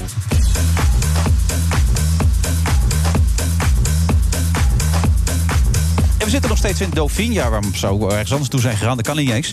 Eh, met onze uitzending van de Friday Move. Die gaat zelfs een half uur langer door. Robert van Beckhoff is zojuist binnengekomen. Die heeft allemaal lekkere dingen uitgedeeld. Dankjewel, Robert. Dat ziet er geweldig uit. Dus die verwacht dat je absoluut niet kritisch ga interviewen. Maar daar zou ik niet op rekenen als ik jou was. En naast me nog steeds Dylan Yeschigouls.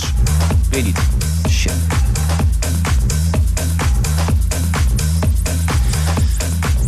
Ook wel genoemd de Pitbull op hakken. In NRC, ja. Dat is waar. En dat vond je een leuke naam, dat vond je een Ja, geuzennaam. zeker. Ja. Je vindt jezelf al pittig. Ja, dat zeg je eigenlijk volgens mij alleen over vrouwen. Maar ik hou vast, ik hou vol.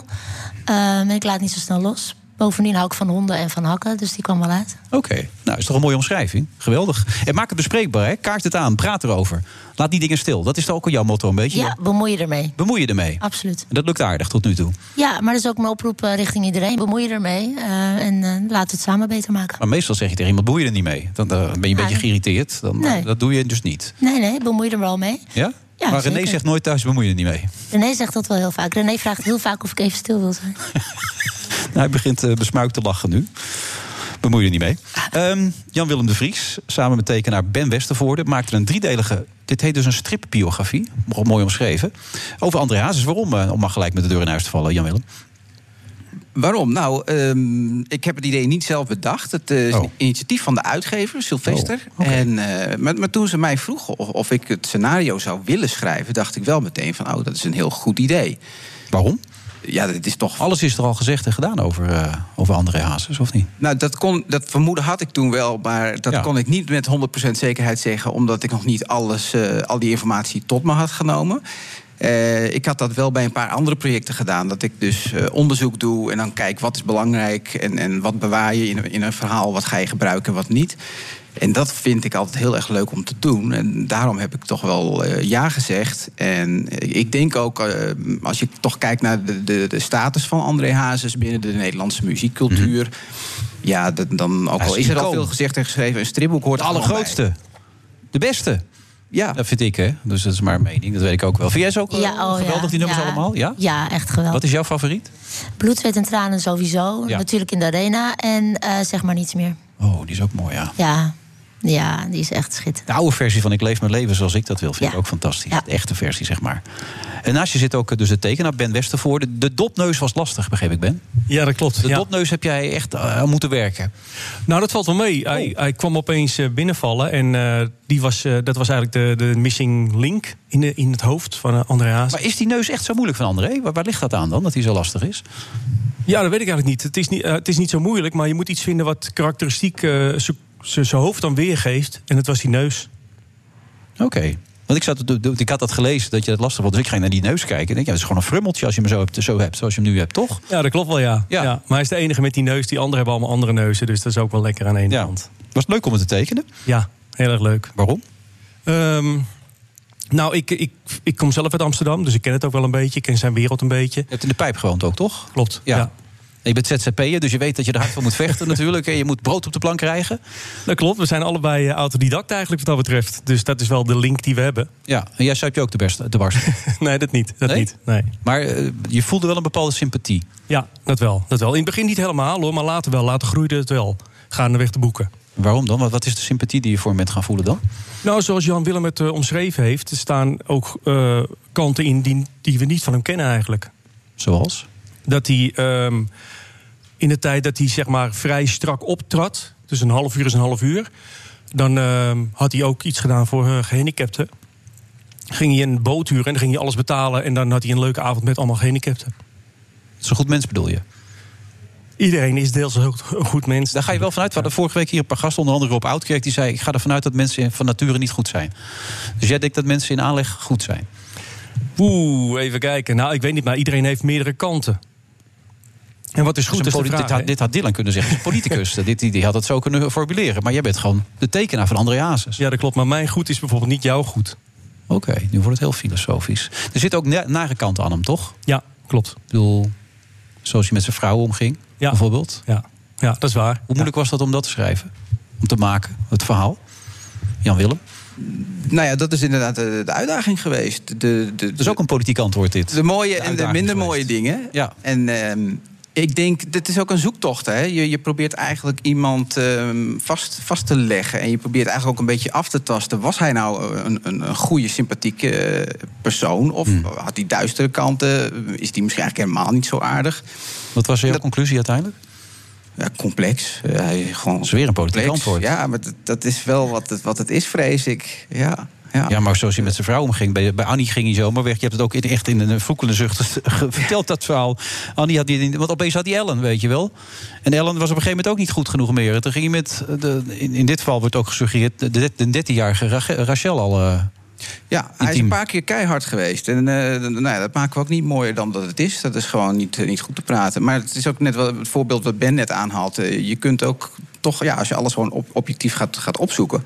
kom je ook verhalen over Hazes tegen... waarin hij gewoon buitengewoon sympathiek is. En waar je een zwak voor hem krijgt. Ja. Dus, en, dat wordt toch Maar een dit is wel een pijnlijk stukje, want dat staat in deel 2. En ik bedoel, ik heb het ook gezien, eh, in, niet in de documentaire... maar in het boek van Jos van Zoelen, zijn voormalige bodyguard... die dat ook suggereert. Eh, hoe heeft de familie hierop gereageerd? Ik neem aan dat je gestuurd hebt, toch? Uitgever heeft, eh, heeft de familie geïnformeerd, pagina's toegestuurd. En wij willen heel graag weten wat ze ervan vinden, maar dat hebben we nog niet gehoord. Oké. Wat was jullie eh, favoriete scène om te schrijven of te tekenen? Wat is de leukste? Oeh, is een goeie. Weet jij het direct? Probeer het een beetje weer gemakkelijker te laten worden. Ja, ik vond het een beetje awkward. merk het inderdaad. Ehm, moet ik even denken hoor. Ehm, nou, we hebben heel veel grote platen erin. En die vind ik wel mooi om te tekenen. Een grote plaat waarin je dus een, een, een sleutelmoment eigenlijk weergeeft. Pagina groot is die dan? Klopt, ja. Oké. Ja. Cool. Ja, volgens mij, dit zijn mijn Sinterklaas cadeautjes. eh, dus ik hoop dat niemand meeluistert nu. Omdat je zo'n groot fan bent, bedoel je? Ja, dit, nee, dit ga ik cadeau geven. Schitterend, ja. Ja. Want heb je de documentaire gezien? Heb je de film gezien? Heb je de musical gezien? eh? Ja, en de musical vond ik echt, echt tegenvallen dat je niet mee mocht zingen. Oh nee, dat was waar. Je zit in Ja. zo'n zaal enzovoort. Dat mag allemaal niet. Ja, dat is wel lastig als je naar André Hazes liedjes luistert en dan niet meezingen. Dat is een beetje... eh, Waren jullie eigenlijk fan? Want jij was er wel een beetje fan. Maar was jij een beetje fan eigenlijk? Of? Nee, ik moet eerlijk bekennen, ik was geen, eh, geen Hazes-fan. Nee. En wat is het gevoel dat je nu bij hem hebt dan? Ja, wel, eh, wel veel meer waardering voor gekregen. En, en eh, ik ben het ook wel gaan luisteren de afgelopen jaar. Daarvoor had je het niet geluisterd? Nee, Ben je nou, ja, ik ken? Hazes natuurlijk wel, absoluut. En heel veel van meegekregen ook. Dat, dat merk je zelfs als je hiermee bezig bent. Dan merk je eigenlijk wel hoe, hoe vaak je toch vanuit je ooghoeken... alles wel, wel hebt meegekregen eh, op, op televisie en op radio. Nee, ik heb eh, toen ik jong was heel veel Nederlandstalig geluisterd. Dus wel heel veel meegekregen. En op een gegeven moment toch meer Engelstalig gaan luisteren. Oké. Een andere muzieksmaak ontwikkeld. Oké, en waarom drie delen eigenlijk?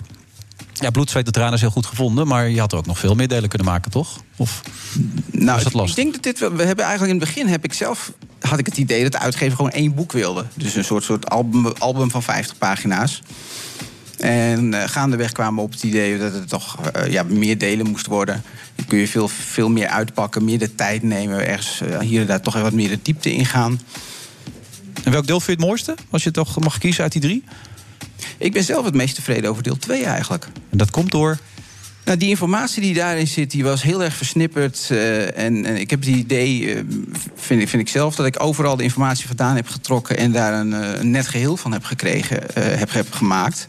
En dat dat echt iets is wat, wat iets toevoegt. Hè. In deel 3 vertelt natuurlijk best wel over een deel van zijn leven wat behoorlijk bekend is. Wat me- veel mensen via de media hebben meegekregen. Mhm. Maar ik heb zelf het idee dat we in deel 2 de meest verrassende dingen Oké. Nou, het is wel open, het is heel direct. Ik bedoel, eh, zelfs Dylan werd er een beetje ongemakkelijk door toen ik erover begon, over die feiten. Althans, we gaan ervan uit dat het feiten zijn. Althans, zo wordt het hier wel gebracht. Dus eh daar kun je ongemakkelijk van worden. Ga je het missen, Ben? Eh, ja, dat wel. Ja, ik heb er zes jaar aan gewerkt. Dus dat, dat Zes jaar? Ja, klopt. Ja. Oh, dan ga je het zeker missen. Het is een soort gewoonte geworden bijna, toch? Als een soort Ja, ritueel. eigenlijk. Ja, eigenlijk wel, ja. ja. ja. Wat ga je nu tekenen dan? Want je tekent gaan- veel, hè, begrijp ik. Ja, dat klopt. Het is mijn werk. Dus Ja. eh, ik ben aan het zoeken nog. Oké, dus mensen kunnen bellen. Ja. Oké, Ben Westervoorde heeft op dit moment tijd om weer wat te tekenen. Maar ontzettend mooi gedaan. Het ziet er echt heel mooi uit. Dus eh, Jan Willem en eh, Ben bedankt. En succes ermee. Ik ben benieuwd wat de familie ervan vindt. Tot zo.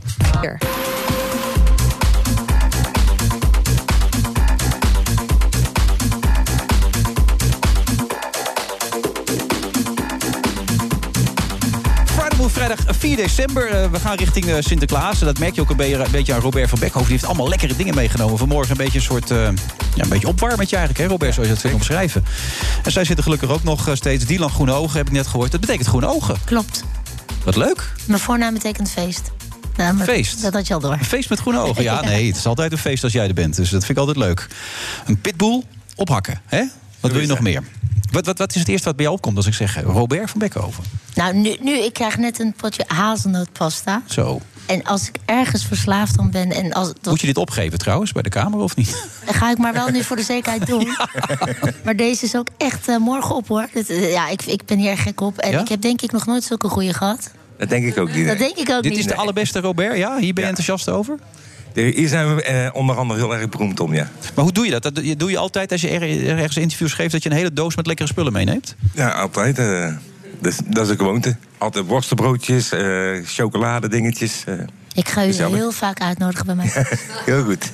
Ja, maar hij doet geen interviews. Hij komt op voor een interview. Hoe wil je dat dan doen? Uitnodigen gewoon bij mij thuis. Niet, even kijken. Ook gezellig. Oké, René, Ja. dat je het weet. Even. Houdt hij ook van zoete dingen, René, of niet? Oh, die vindt het lekker. Ja, ja. Ja. bemoei je er niet mee. Ehm, Robert, een nieuw boek. Meestelijk junior. Een nieuw kinderboek, ja. Waarom? Waarom? Eh, van, je, je moet altijd de hoe en wat en de waarom vragen stellen. Hè? Als je, schooljournalistiek heb ik niet gedaan trouwens. Maar Oké. Eh, waarom? Eh, Ten eerste, het is er niet. Er is geen kinderboek Nee, maar dat over elk boek. Oh, oké. Ja. Eh, waarin alles uitgelegd wordt over chocolade. Eh, kinderen moeten vaak spreekbeurten geven op school. Eh, daar komen ze vaak bij ons langs. Wat kunnen we vertellen over chocolade? Dus we hebben een boek gemaakt. Het is wel heel leuk gemaakt, moet ik zeggen. Ja, ik ik krijg het echt- pas net in mijn handen geduwd. En wie heeft die tekeningen verzorgd dan? Dat is niet, Ehm, niet Ben geweest. Die tekent heel anders. Die tekent dopneusjes namelijk. Nee, we hebben bij ons op, eh, op de zaak een heel team van dames die, die boeken schrijven, die de tijdschriften maken, die alles doen. Het is gewoon een big business voor jou geworden. Je hebt een winkel op volgens mij van 2000 vierkante meter of Ja, zo. zoiets, ja. Je gaat Ja. nog wat nieuws openen ook weer? In Leidsendam. In Leidsendam? Ja, in eh Me- Medio Maart. En wat is dat dan? Ja, dat wordt echt... eh, Oh, je gaat ja. nu mysterieus lopen. Ja, ja, Ja, je hebt er nu een blik bij, zeggen. Dat wordt entertaining eh, en bak-entertaining. Bak-entertaining? Ja. Wat moet ik me daarbij voorstellen? Eh, gewoon live bakken de hele dag door, dus niet s'nachts. En eh, u kunt eh, bijna in de bakkerij zitten en dan alles proeven. Oh, je, ook niet achter het glas? Ja, nu achter nog glas. even moeten. Je zit wel achter glas. Ja? Maar is het echt ehm, ja, midden in de bakkerij. Dus eh, we zitten in een soort U-vorm. Je, moet, je begint helemaal te lachen. hè? Ja, joh, ja het het is echt hij leeft eh, helemaal op. Zie je dat? Hij vindt Ja, het zeker. fantastisch. Ik weet zeker dat je komt kijken. Ja, Leidschendam. Het Hoe lang is dat rijden vanaf... eh, Niet ver, toch? Niet ver, nee. Nee, dit kunnen we Bij Den Haag in de buurt, hè, dus daar ben je vaker, dacht ik. Ja. Oké, maar waarom in Leidschendam eigenlijk? Eh, ja, er wordt eh, een van de grootste shoppingmalls van, eh, van Europa gebouwd op dit moment. Oh, in de. Mall of the Netherlands. Ja, en daar, in Leidschendam? In Leidsendam, ja. Dat weet je zeker? Dat weet ik heel zeker. Ja, Leidse Leidschendam? Wat apart, heette dat vroeger. Ja. Oké, ja. En daar, eh, daar wordt op dit moment, eh, daar zijn ze al aan het bouwen. Dus bestaat er heel lang, dus een nieuwbouw. In eh, Leidschendam? in Leidschendam, ja. Leidse Hagen heet het. Leidschendam. Ja. Ja. Zou je niet zeggen, hè? Nee, dat verwacht je niet gelijk, Leidschendam. Nee, maar je, je zult ervan schrikken. Ja, en- en daar komt 25 we- eh, winkels. 225 winkels. Dat vind ik nogal wat in deze tijd. ik bedoel, om dat allemaal weer vol te krijgen. Ook, we hebben het Cambuurstadion in Leeuwarden, even een uitstapje, want ik ben Cambuur-fan, gaat niet door, omdat ze daar niet genoeg bedrijven kunnen vinden die in dat stadion willen zitten. Ja, maar dit loopt al jaren. Hè? Dit is Oh. een project die al eh, jaren eh, loopt. Eh, een van de grootste shoppingmalls van de wereld die gaan dat doen. Unibal, Rodamco, Westfield. Die al die grote shoppingmalls bouwen. Het wordt heel on-Nederlands, echt Amerikaans. Elf bioscopen, enorm veel horeca erin. Echt fantastisch. Wat is je geheim eigenlijk, eh, Robert? Eh, geheim van mij? Ja, van je succes. Waar komt dat Eh, vandaan? Ik denk eh, passie, versheid en vertellen wat, wat, wat ons vak is. Ja. Gewoon vertellen. Eh, hoe, hoe maak je hazelpas? Nou, dat doen we zo. Eh, en laat maar- maar zien en dan kun je proeven alles. Het is wel apart als dat een vorm van succes is, toch of niet? Er moet toch wel iets meer zijn? denk het is ook dat het passie- charisma natuurlijk hè, van de man die hier aan tafel zit. Ja, ik vind, eh, toen ik heel jong was...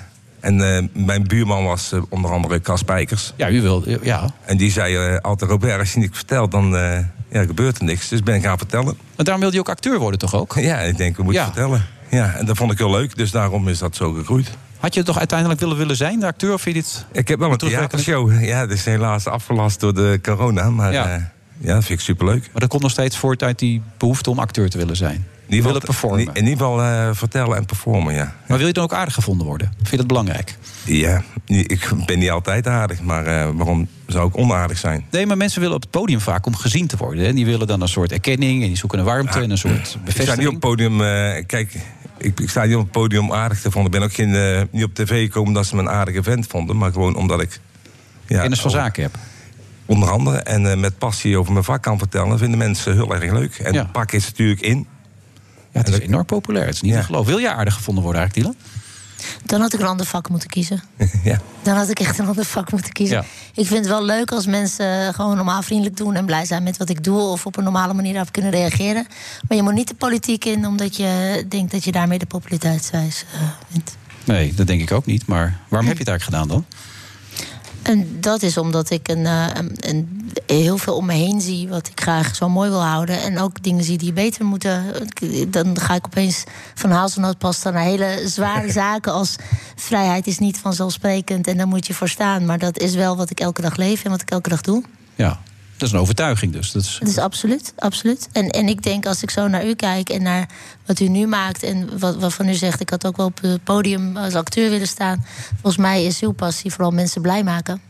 Zeker. En of Ja. je dat doet met hele lekkere dingen of met een mooi verhaal of een combinatie. Maar dat, dat raakt combinatie mensen vooral, natuurlijk. ja, dat vind ik echt. eh, ja, dat is mijn passie, ik kan er niks aan doen. maar ik vind zelf ook alles lekker. Dus, en, ja, en dan kun je er mooi over vertellen. Ik ben altijd op zoek naar het eh, allerbeste en lekkerste. De, Ja. En dan laat ik de anderen proeven. Ja. En hoe is de tv-wereld bevallen? Ja, ehm, dat wordt steeds eh, groter, zeg maar. Eh, Ik ben natuurlijk een klein begonnen met de Cupcake Cup. Ja. Afgelopen jaar weer voor de negende keer heb opgenomen. Dus bijna tien jaar lang eh, Cupcake Cup. En achtste seizoen eh, heel Holland Bakt opgenomen. Ja. En dus ja, enorm veel kijkers. Maar is dat fijn om dan er zoveel in de publiciteit te staan? Is dat een... Het gaat vanzelf, hè? Ja, is dat fijn? Nee, we hadden het over het feit... van. Ja, ik geniet er wel van, dat, eh, van het programma. Ook om hem te maken met, eh ja, met, met dat thuisbakkers. En dat vind ik echt superleuk. En om dan te mogen te jureren en, eh, en, en voordoen en weer uitleggen. En eh, ik geniet daarvan. Je geniet er echt van. Ik vind het zo lief. Zo. Robert is ook een keer co-host geweest. En dat merk je de hele uitzending door. Er zit een soort liefde, een soort passie, een soort, warmte in voor het vak. mensen, die- mensen kunnen toch ook dit zien ergens eh ja, er is een webcam. Ja, want de ik- miljoenen ik- mensen dat- kijken nu ook. Dat is altijd leuk. Ja, maar Als, je, als je zo ook uw gezicht ziet, dat het helemaal gaat glunderen als ze over praten. Dat zou ik wel wensen dat mensen dat even inloggen en gaan kijken. Dat, eh, dat doe je toch ook als je over je vak praat? Eh, ja, maar ik kijk ook wel eens boos omdat ik wat ik moet zeggen. Soms ook. eh, Ja, wat gebeurt dat wel eens, eh, Robert? Dan dat je ook wel eens negatieve reacties krijgt? Of is dat absoluut bij jou uitgesloten? De, ik ben wel eens dat ik eh, op de zaak, eh, als het niet goed is, dat ik zeg: we gaan maar doen, jongens. Eh, dit Oh, je bent zelf een beetje boos dan? Ja, dan ben ik zelf een maar zijn mensen wel eens boos op u? Of, of mensen of kijkers? Ja. Soms schrikken ze daarvan dat ik zo reageer als iets niet goed is. Je kunt er heel streng zijn. Je kunt boos worden. Vuist op tafel. Boze Robert ben je dan? Nou, ik ben niet boos, maar dan, eh, ik ben pas boos als iets niet gelukt is in de bakkerij en ze leggen het in de winkel. En jij komt, je komt daarna nooit meer terug. Dat vind ik zonde. Dus als iets niet lukt is, gooi het weg. We hebben het een dagje niet of eh, maak het opnieuw. Maar ouwe, als het in de winkel ligt, dan word ik boos. Ja, dat is ook zonde. Ja, nee, ik ben het helemaal met je eens. Ik kan me niks voorstellen bij een boze Robert eigenlijk. Nee, maar ja.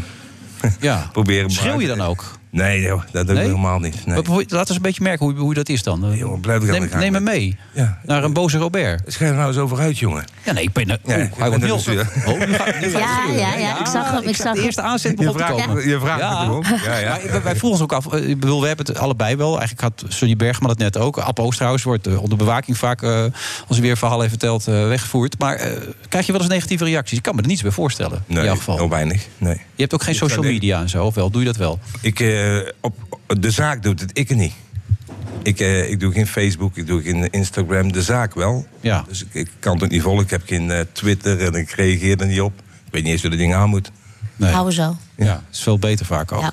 Oké, in Leidsendam, dat is ongelooflijk in Leidsendam. Ik herhaal het gewoon. Komt dus een enorm, enorme winkel weer erbij. Ja, Zeker. TV-programma's zijn hartstikke goed. De Ja. Cupcake Cup loopt als, echt als, als een tierenlier, heb ik net ook gehoord. Meestelijk junior van Robert. Nu ook weer uit voor de Ja. jeugd. Ja, zeker. Mag ik hem meenemen voor de kinderen? Of Ja, zeker. Mijn Die dochter die bakt graag namelijk. Die bakt veel, ja. Ja, dat is echt Die maakt inderdaad ook allerlei soorten... hoe heet die nu ook alweer? Muffins en zo kan ze heel goed Oh, maken. ja, cupcakes eh, ja, cupcakes maakt ze ook heel veel. Ja. Dus ja, dat is heel erg leuk. Maar wat gaat er... Dit is niet het einde. Dat kan niet waar zijn. Er komt nog veel meer van Robert van Becko. Nou, we gaan eerst eens eventjes eh, zorgen dat alles weer gaat draaien zoals het moet draaien. En we ons restaurant weer open mag. Leidsendam. Ehm, dat is eigenlijk de eerste, eerste zaken die we gaan regelen. Ja. Ondertussen ben ik wel met een boek bezig. En, ehm, Oh, vertel. Wat voor boek dan? over eh, een van de mooiste dingen van ons vak. De confiserie. Weet je? Natuurlijk. Want dat vind ik ook zo leuk aan het Wij vak. zijn, wij zijn uitvinders van de snoepjes en van de limonade. En, maar er is ni- niks in eh, literatuur over. Dus dan ga ik eh, lekker snoepjes En dan kom je hier weer even langs, neem ik aan. Met snoepjes. En dan ga je weer enthousiast vertellen. Ja, uit- uiteraard. Ja, Mag ik er dan ook weer hier zitten? ja natuurlijk. Gaan we regelen. Als René dat goed vindt natuurlijk. Hè, want Ja, die krijgt ook thuis. snoepjes. Ja, Ja. die krijgt dan ook. Oké, hartstikke goed. Maar dat zit eraan te komen. Een nieuw boek Ja. dus. Ja. Eh, en nog andere dromen? Of zeg je, nou, ik moet het nu even een beetje... Nou, en dan voor de rest... eh ja, Hou je nog wat tijd over voor jezelf ook? Doe je nog leuke dingen? Een beetje golf of zo? Of eh, knikkeren? Of, eh, daar heb ik, eh, dat doen we straks wel. Ja? Ja. Nee, ik, eh, ik geniet van het werk. Ik, heb, hey, ik ben nou weer hier. Ja. Werkt je, werkt je vrouw dan ook in de, in de bakkerij of niet? Ja, hey, hallo. Mijn vrouw is de algemeen directeur. Ik, ben, ik mag de leuke dingen doen. Oké. Algemeen directeur. Ja. Ja, ze werken ja, voor corona 100 man hè, op één locatie. Ongelooflijk. Jeetje. Ja. Ik vond het weer hartstikke leuk dat je er was, Robert. Bedankt daarvoor. Graag gedaan. Hartstikke En, leuk, eh, het boek ook. En tot de volgende keer. Ja, het gaat snel zijn. Er komt een boek uit, heb ik gehoord, over groepjes. Dus Oké. eh, ja, daar kijken we nu al naar uit. Gaan we doen. Robert van Beckhoven. En we gaan zo weer verder in deze uitzending van de Friday Move. Tot zo. BNR Nieuwsradio. The Friday Move. Komen er mensen binnen en dan moet u ze erop aanspreken. Of ze hun mondkapje al netjes op hebben. Ja, gaat Baudet het redden? Je weet eigenlijk niet wat je krijgt als Alles is erop gericht om in de eerste week van januari te kunnen starten. Wilfred Genee. Ja, we zitten nog lang niet in de absolute slotfase van deze uitzending. We gaan tot 7 uur door. Ja, 7 uur.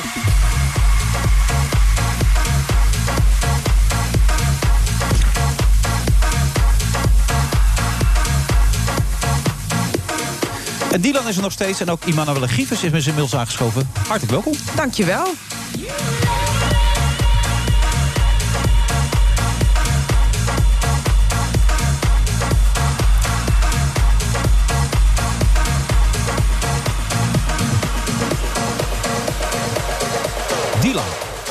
Jouw moeder is een wijze vrouw, toch? Ja, zeker. Wat heeft ze jou als belangrijkste les meegegeven?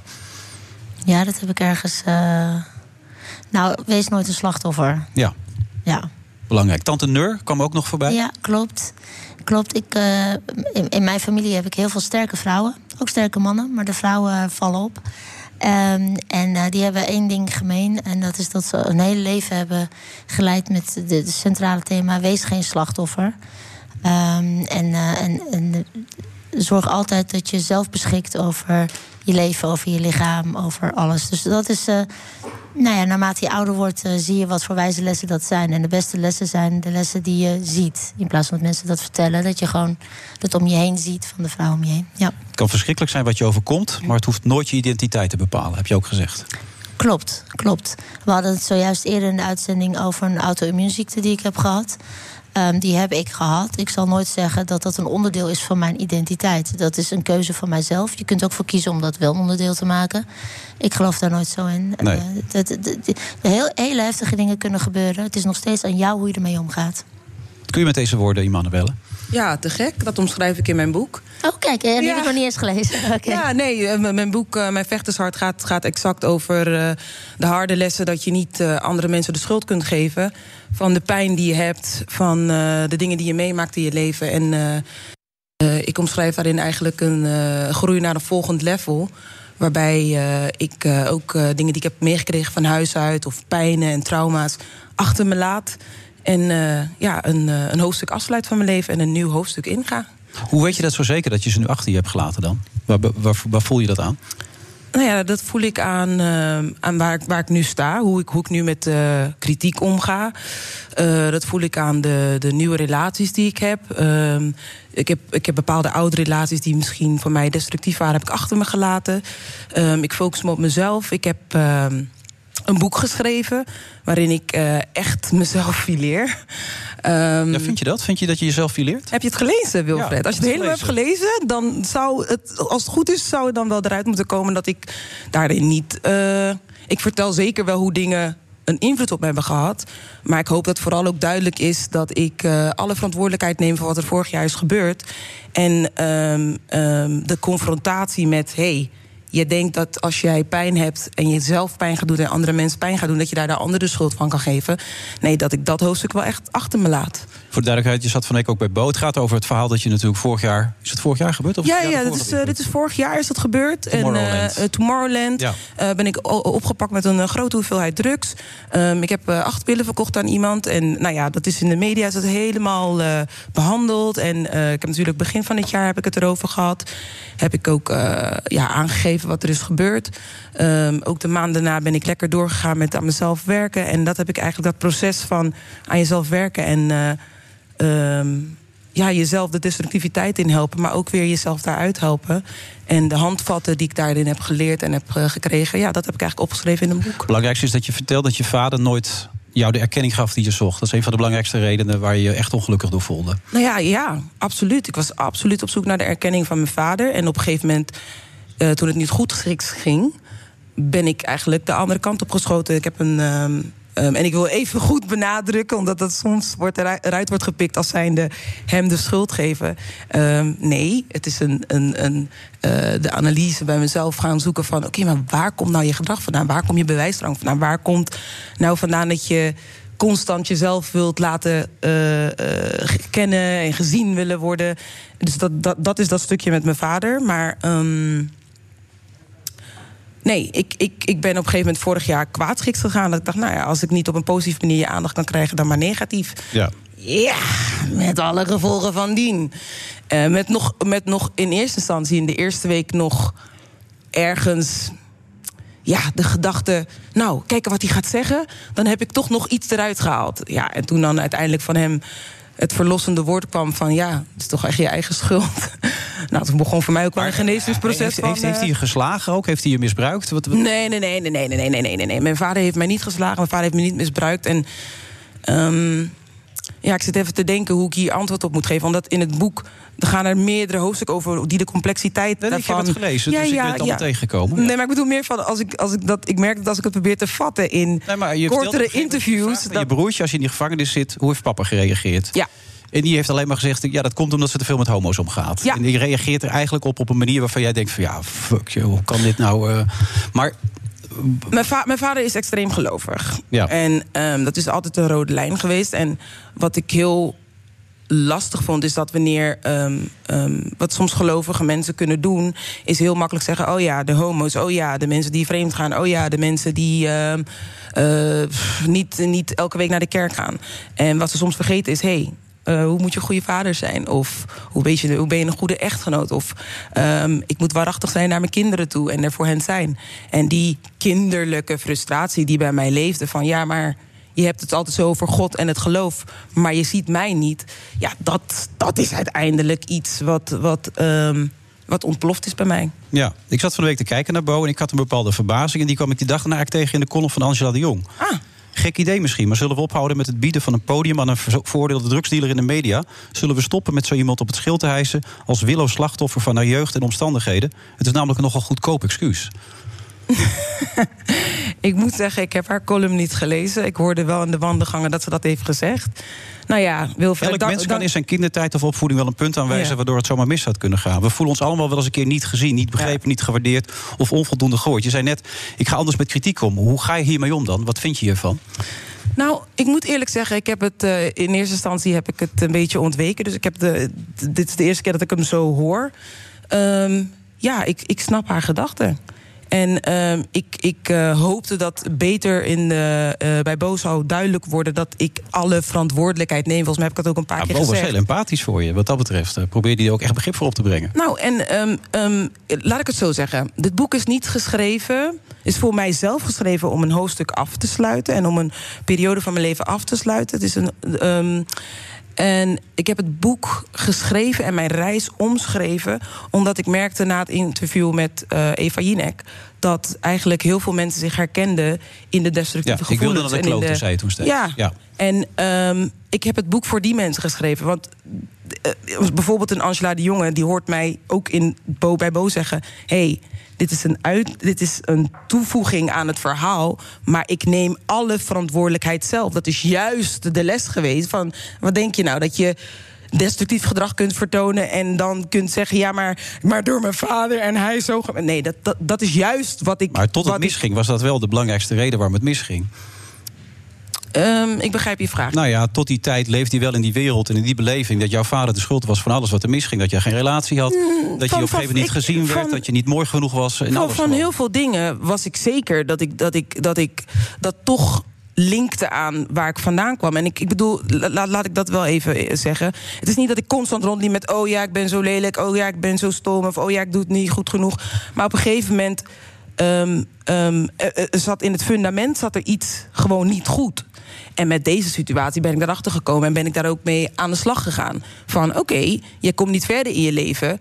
Blijkbaar was dit voor jou een blinde vlek... waarbij je toch als een klein kind vasthield aan bepaalde pijn... en dacht dat je daarmee Snap je dat je daar, dat je, daar je ouders de schuld van kon geven? En wat Angela inderdaad zegt. Eh, dat iedereen wel iets heeft meegemaakt. Dat klopt. En niet iedereen maakt de keuzes die ik heb gemaakt op die manier. Sommigen doen het op een andere manier. Sommigen, pff, ja, weet ik veel, die verliezen zich bijvoorbeeld in eh, seks. Of, eh, of, of sommigen die zeggen, nou, ik heb, het is zo fout gegaan bij mijn ouders... dat ik het juist extreem goed ga doen met mijn kinderen. Of dat ik juist heel erg een rustige partner ga kiezen. Ja, ik heb, ik heb daarin andere keuzes gemaakt. En, en daar zet ik een streep onder met het boek. Eh, daar heb ik hele mooie handvatten in geleerd. Eh, ik, ben, ik ben gaan mediteren. Ik ben echt ja, de bodem, eh, de, de, in de bodem van mezelf gaan kijken van... hé, hey, wie ben ik nou? Waar ga ik nou naartoe? Ben ik gelukkig? En hoe word ik gelukkig? En wat is echt belangrijk? En eh, ja, dat, dat is zeg maar... eh, Je hebt het boek niet gelezen, gaat. Dylan. Nee, helaas Nee. nog niet. Maar wat is jouw indruk? Nou, als ik het zo hoor, en wij kennen elkaar ook helemaal niet, dus ik kan het alleen hierop baseren, denk ik wel dat het sterk is dat iemand zegt: ehm, Ik ga niet alleen voor mijzelf in kaart brengen hoe dat nou komt. Dat ik uiteindelijk zulke foute keuzes heb gemaakt. Die niet alleen van grote invloed zijn op je persoonlijk leven, maar ook op veel grotere. Dit is natuurlijk een, een, een, eh, een, een zware eh, daad, zeg maar. Ehm, en ik hoop dat juist zo'n verhaal andere mensen kan helpen, jonge mensen kan helpen, die eh, te vaak een excuus zoeken in omstandigheden en zie wat mij wordt aangedaan en daarom. Dat je zegt nee. Er kan van alles gebeuren, maar je bent altijd zelf verantwoordelijk voor wat je uiteindelijk doet. Maar dat moest ze ontdekken door eerst in de fout te gaan. Ja, da- da- daar kan ik natuurlijk niks. Dat, dat, is, dat is fout. Dat maar is toch zo? Ja. heb je zelf ook eh, volgens mij en gezegd en erkend. En staat dat waarschijnlijk ook in het boek. Dus daar kunnen we niks goeds over zeggen. Maar ik heb liever dat iemand die, als die al in de, in de fout is gegaan, liever niet. Maar als dat gebeurt, dat je zegt: Ik heb mijn lessen getrokken. Plus ik wil ze delen met de wereld. Zodat ik hopelijk ook andere mensen kan helpen. Dat heb ik dan liever. Dan, eh, want dat zien we ook als het gaat over zaken die eh, drugs raken. Dat mensen er niet van leren, maar in die cirkel blijven en dat het alleen maar erger wordt. Dus ik heb liever dat iemand zegt: Dit is mijn les. En ik deel hem en ik hoop dat ik iemand daarbij kan helpen. Ja. Nou ja, fijn. Dankjewel, Dylan. Want het is precies de boodschap van het boek. Ja, het Ja. grappige is dat Angela de Jong weer zegt... eh, ze is nu bezig om alles tot op de laatste druppel uit te melken... om ook haar leed nu als het ware als een, als een verdienmodel te zien. Ik, ik denk dat Angela de Jong het boek niet heeft gelezen. Als ze haar adres opstuurt naar mijn management, stuur ik haar graag het boek op. Ja. Hoewel ik denk dat ze dat niet gaat lezen. Ehm, ik- mijn, mijn, mijn doelgroep, dat zijn mensen die op dit moment tegen de muur opklimmen. En tijdens corona heel erg met zichzelf geconfronteerd worden.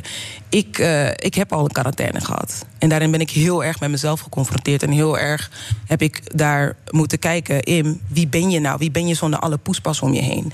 Dat heb ik opgeschreven in mijn boek. En ehm, eh, dat die hele reis was heel confronterend voor mezelf.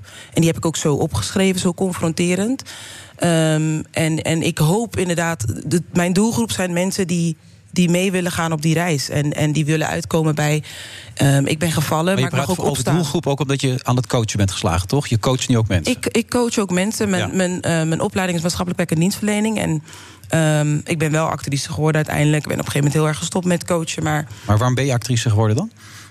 ja, omdat ik dat ook leuk vond. was ook een passie van mij. Ja, maar ook om gezien te worden, toch? Ja, achteraf gezien nu denk ik wel. Al, al kon ik, nu kan ik daar beter mee omgaan, maar het was heel grappig. Want het was vooral achteraf blijkt om gezien te worden door mijn vader. Maar als ik dan werd gezien door de andere mensen, dan kon ik daar ook weer niet mee omgaan. Want dan dacht ik, ja, ik vind het wel leuk dat je me leuk vindt. Maar ik wilde mijn vader, me, onbewust dacht ik, ja, maar ik wilde mijn vader me leuk vindt.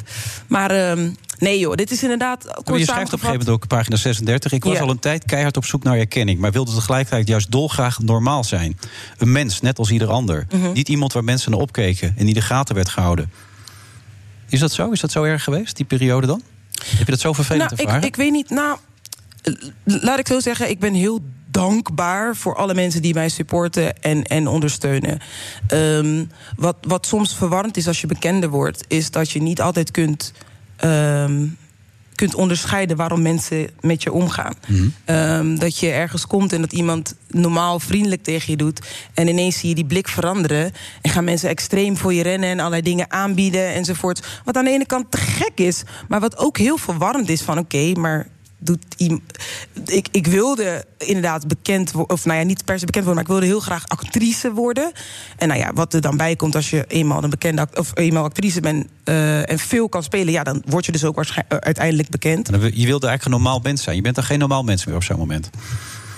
Hoe, hoe, hoe, ga, hoe ga jij om met dat mensen steeds naar je toe komen op Nou ja, ik, vind, ik vind als je bekende Nederlander bent, en voor zover ik dat ook ben, dat zal ik wel een beetje zijn. In Nederland dan denk ik, ja, dat is als Silde, Silde, Silde Strandjutter op de Schelling, weet je wel. Het stelt helemaal niets voor in Nederland. Het stelt echt helemaal niets voor. Kijk, als je in Amerika een ster bent, of als je Messi bent, of Maradona bent, of Ruud Gullit, noem, noem maar eens iemand. Dan ben je iemand die zoveel aandacht krijgt dat het misschien zwaar is. Maar wij in Nederland hebben daar toch geen last van.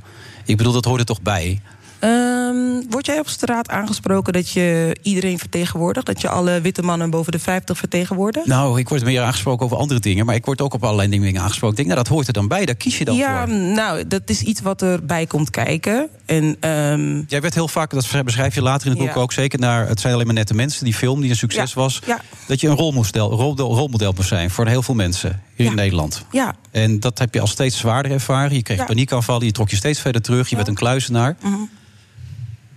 Maar daar koos je ook voor tegelijkertijd, want je wist dat dat er ook bij hoorde. Ja, dat is dus de grap. Ik, ik koos vooral voor het acteren. Ik dacht, ik wil actrice worden. En daar ging ik gewoon vol voor. En gaandeweg dacht ik, oh, oh. Je weet oh. toch, als je iets doet dat, dat op een podium gebeurt, dat dat ook. Daarom vroeg ik het net ook aan Robert van Wilfred, Beckhoven. Wilfred, kijk, dit is mijn antwoord. Mhm. En je kan het mooier of groter maken. Dit is jouw ervaring.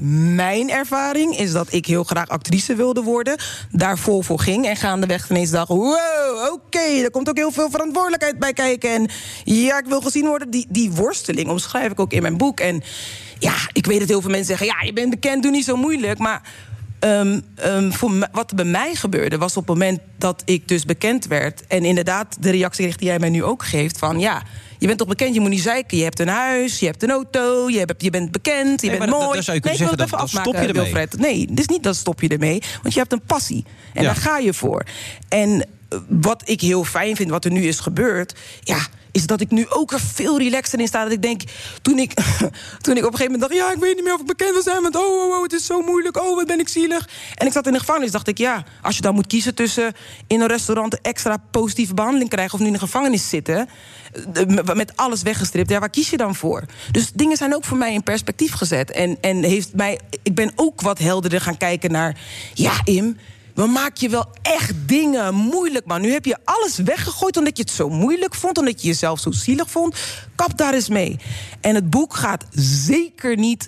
Je gaat inderdaad de reis ik hoor steeds jouw hoofd- stemmetje, want je beschrijft een stemmetje. Je, je gebruikt ook heel veel de derde persoon enkelvoud. En dan weer is het opeens de Het is ik-persoon. door twee mensen geschreven. Het is door Anton Slotboom geschreven en Ja, door mij. dat Dus- weet ik, maar ja, dus gebruiken- vandaar de derde persoon. Ja, nee, dat snap ik ook wel inderdaad. Maar het, het, het maakt het soms ook ingewikkeld inderdaad. Ja, om, het, om het te kunnen volgen, het gesprek. Ja. Want dan lijkt het net alsof je op afstand naar jezelf kijkt... en dan zit je er weer middenin. En ik hoor regelmatig dat stemmetje van jou ook... van Mhm. dit ben je eigenlijk helemaal niet en dit wil je eigenlijk helemaal niet... en wat doe ik hier eigenlijk ook enzovoort. Mhm. Maar daarmee lijkt het de hele tijd wel... of je daarmee jezelf ook weer een beetje probeert goed te praten. Zo kwam het op mij over, dat stemmetje. Nee, dat is, eh, dat is niet zo bedoeld. En ehm, ehm, ik denk dat als je hem inderdaad helemaal uitleest... dat het wel duidelijk wordt dat ik echt nogmaals alle verantwoordelijkheid neem. En Nee, maar dat schrijf je ook zo nu en dan ja, oké, ja, Ja. zo nu en dan. Maar, Ja, ik, ik- nee, maar- kijk, je, je gaat mee in de golven van iemand die aan het worstelen is met zichzelf. Dus eh, inderdaad, het ene moment zie je een vrouw die zegt... ja, maar ik ga gewoon weer vechten. En het andere moment zie je een vrouw die zegt... ja, maar waar doe ik het allemaal voor? Wie ben ik nou eigenlijk? Ben ik wel mooi genoeg? Ben ik wel leuk genoeg? Ja, dat is de worsteling. Ik neem mensen helemaal mee in mijn hoofd. In mijn dagboek, mee naar therapie. Met die worsteling. Dus het klopt dat je af en toe misschien tegenstrijdige gedachten lijkt te zien, omdat dat de reis is. Ja. Toen ik in de gevangenis kwam, was het echt niet meteen glorie halleluja. Sterker nog, het heeft echt, ik heb even een paar momenten moeten hebben waarin ik steeds dieper in mijn persoonlijkheid kwam en steeds meer moest gaan beseffen van Im. Ja, dit is echt. Ga oude dingen loslaten. Het is zo makkelijk te zeggen. Ja, leef niet in het verleden. Ja. Dat, maar dat- je, had het net over op de golven meegenomen. Daarom Ja. doe je ook aan programma's weer mee als Alle Hens aan Dek. En zo, dat real-life programma bij SBS. Daar wilde ik inderdaad mee op de golven. Ze Nee, hadden maar- me een levensveranderende ervaring beloofd. En eh, dat heb ik gekregen. Ja, nee, maar omdat je aan de ene kant dus dat die bekendheid van je afduwt... maar dat wil je nu wel weer omarmen, zeg maar. Wat je daar Breaking leest... the Stars bijvoorbeeld ook. Maar je wilt wel weer die bekendheid omarmen.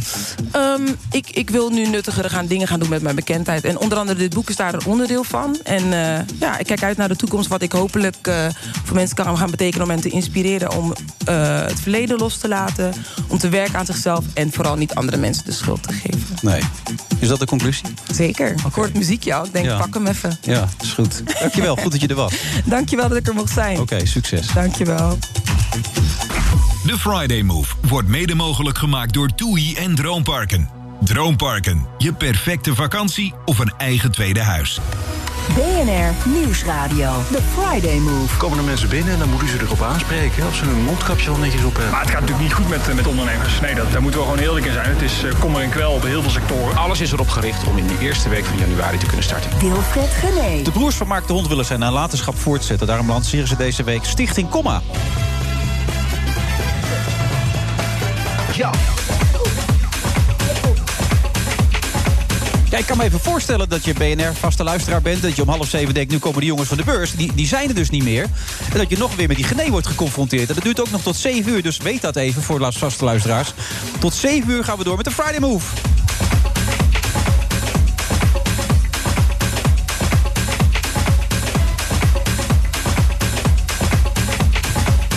Ben ik mijn eh, speakbriefje weer kwijt. Dylan Jesjegoes. Ik heb het heel snel gedaan deze keer, Segerius. Eh Dylan, eh, ik, ik vond dat je erg rustig was tijdens het interview... terwijl je daar de nodige dingen over hebt gezegd. Dat je moeite hebt met beroepsgekwetsten... en mensen die te Ja. snel in een slachtofferrol zitten... die het begrip ook uithollen daardoor op een gegeven moment. Nou ja, ik hoorde het verhaal van zojuist als iemand die daar juist afstand van wil nemen. Nou ja, dat, dat kan ik alleen maar waarderen. Ehm, ik kan me wel vinden, dat had ik net nog willen zeggen... toen de gast er ook bij was overigens... wat Angela de Jong zegt... dat de Nederlandse media ook wel heel vaak criminelen podium geven Ja. of ex-criminelen, of eh, een negatief verhaal. Ehm, waarbij, nou ja, de- deze week was er ook weer discussie over die ehm, eh, vrouwelijke terrorist die vanuit Syrië weer hier naartoe terug probeert te komen, die zich nu heeft gemeld bij een consulaat. En alle aandacht gaat dan uit naar zo iemand, terwijl ik zou willen dat aandacht zou uit zou gaan naar de slachtoffers. In Ja. dit geval bijvoorbeeld de Yazidi. Dus dat zijn wel dingen waar ik me ook druk over maak. Maar als iemand zegt, ik zie mijn fouten in en ik neem alle verantwoordelijkheid. Oké, ik hoop dat ze daarmee anderen inspireert Ja. om dit niet te doen. Nee, maar zoals Willem Holleder bij College Tour, dat kon echt niet. Kijk, het is niet aan mij vanuit de politiek om in te gaan vullen wat de media wel en niet doen. hè. het Moet je nooit doen. Maar als je, ik had andere keuzes gemaakt, ja. Ja, net dat niet gedaan. Eh, Is, is trouwens eh, Thierry Baudet ook een beroepsgekwetste eigenlijk, of niet? Nou, heeft hij gewonnen? Hij heeft gewonnen, hè? 76 procent. Dat valt toch een beetje tegen? Ik vind dat statistisch echt onwaarschijnlijk. Nee, maar die, die heeft er ook wel een beetje het gevoel bij dat hij niet gezien Ja, die, die, die heeft altijd het idee dat dan zegt hij iets. Nou, daar vinden mensen wat van. En dan zegt hij ja, maar nee, maar zo heb ik het niet bedoeld. En jullie horen altijd wat anders als ik het zeg. Terwijl mensen gewoon ingaan op letterlijk wat hij zei. Ja. Ehm, nou ja, dat is blijkbaar zijn strategie, dat kan. Eh, ik vind dat nooit zo sterk. Als je iets zegt, sta ervoor. Als je iets bedoelt, sta ervoor. Ja, en als je vertrekt, vertrekt dan ook. Statistisch gezien is alles mogelijk. Ja, zo is het. Dat is goed, hè, die, die Dylan. Ja. Ja, Michel, goed dat je er bent. Jij, jij hebt ook nog gevoetbald, begrijp ik, met René, de man van eh ja, Dylan. Klopt. Ja, en? Kon hij er wat van? Hij was beter dan ik. Oh, maar dat is natuurlijk nog geen. Dat zou ik net zeggen. Dat weet je nog steeds niet natuurlijk. Ja, ik bedoel, daar moet je statistiek op loslaten natuurlijk dan. Ja.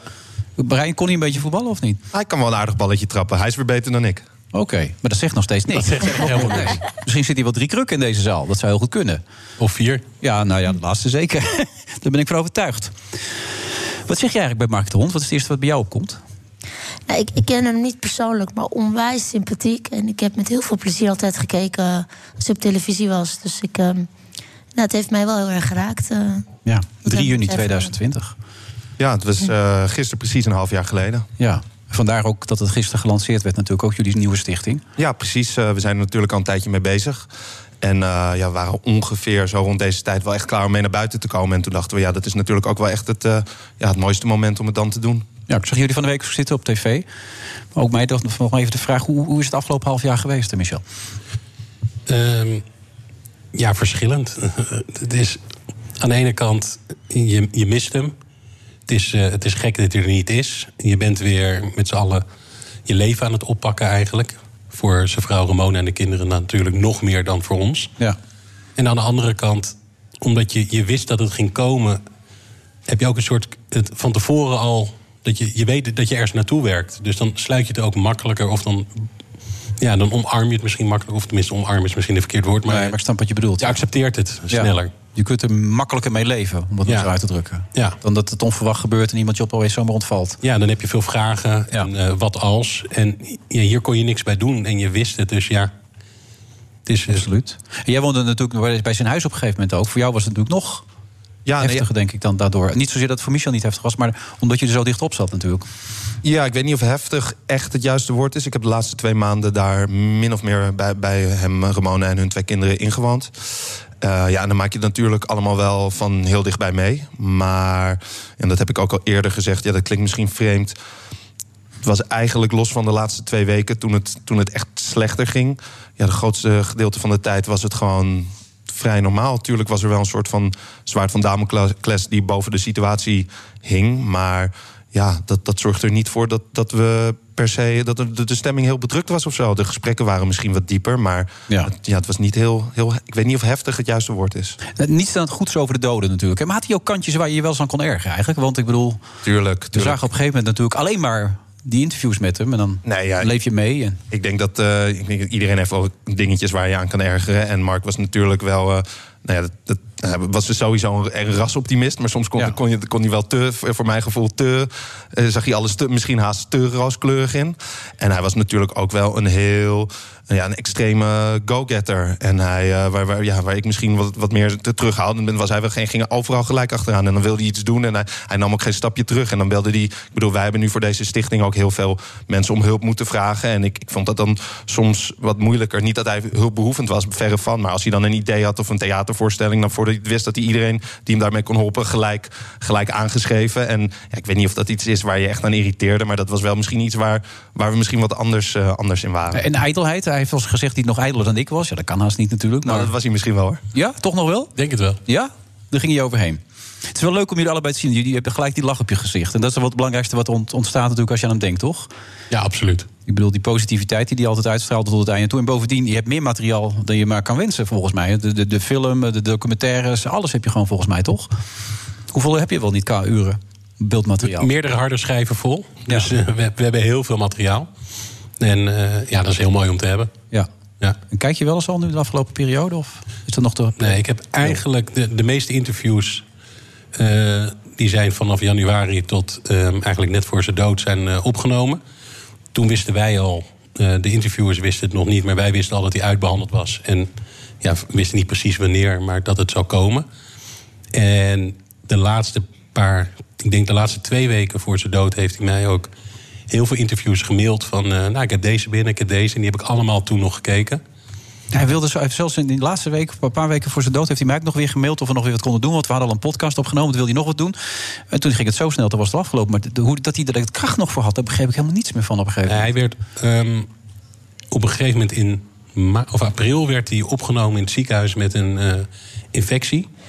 En toen kwam je er eigenlijk achter dat het zo ver uitgezaaid was dat het, ja, dat het einde eh, nabij was. En ehm, alleen toen was hij al bang dat hij misschien het weekend, dat weekend al aan die infectie zou komen te overlijden.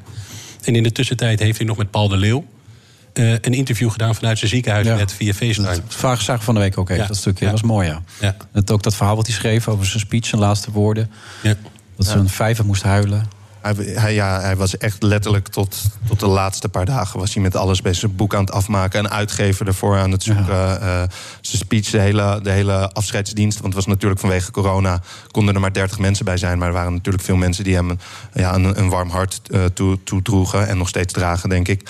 En eh, ja, daarom heeft hij een soort van ja, afscheidsdienst bedacht... waarbij eh, 200 mensen had uitgenodigd voor een livestream. Dat heeft hij ook min of meer tot in de puntjes geregeld. Het was, ja, we mochten nog net onze eigen speech schrijven. En, ja, eh, nee, ik, ik heb het geluk mogen hebben om die, die livestream te mogen zien. En had nog zelf ook een hele film gemaakt. Dus eh, tot, op zijn eigen begrafenis, zeg maar, er stond hij nog een hele speech te geven daar. Dat was heel bijzonder om dat mee te maken.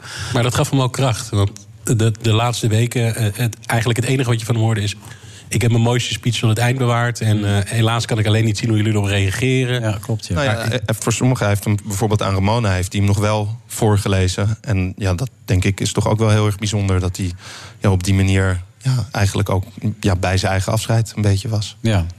En omdat hij dat zo groots heeft aangepakt eigenlijk... en op een eigenlijk nieuwe manier, want het is veel groter dan het ooit gebeurd is.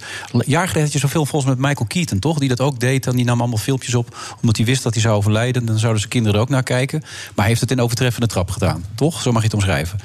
Ik heb die film niet gezien, maar ja, ik dat herinner ik me opeens. Ja, heel lang geleden ook. Een hele emotionele film was dat. Maar dat willen jullie nu voortzetten. Dat is het idee, toch? Achter Stichting Comma. Ja, de, de, de basis daarvan absoluut. Ja, het is een gesloten vraag. Wat willen jullie met Stichting Comma, moet ik eigenlijk zeggen dan? Eh, wat wij met Stichting Comma willen is eh, gezinnen helpen om ook iets na te laten. We hebben het zelf, Mark en ik, onze moeder is overleden toen, eh, toen ik één was en Mark drie. Dus we hebben eigenlijk precies dezelfde situatie als Mark ook meegemaakt toen wij kinderen waren. En die had alleen een bandje achtergelaten. Die heeft een cassettebandje met een paar zinnetjes, wat voor 1980 Ja. heel modern was. En eh, eigenlijk toen Mark wist dat hij uitbehandeld was, hebben we met elkaar ook gesproken van. Maar wat, wat heb jij gemist van mama? Wat, wat zou jij willen? Want dat kan jij nu wel nalaten voor jouw kinderen. En dat was een eigen beeld. Een eigen beeld van onze moeder kunnen, kunnen maken. En dat, dat kan je door naar beeldmateriaal te kijken, door in een interview de maniertjes te zien, eh, hoe ze praten, hoe ze erop reageren. En dat heeft Mark natuurlijk in hele grote mate in overtreppende trap voor zijn kinderen gedaan.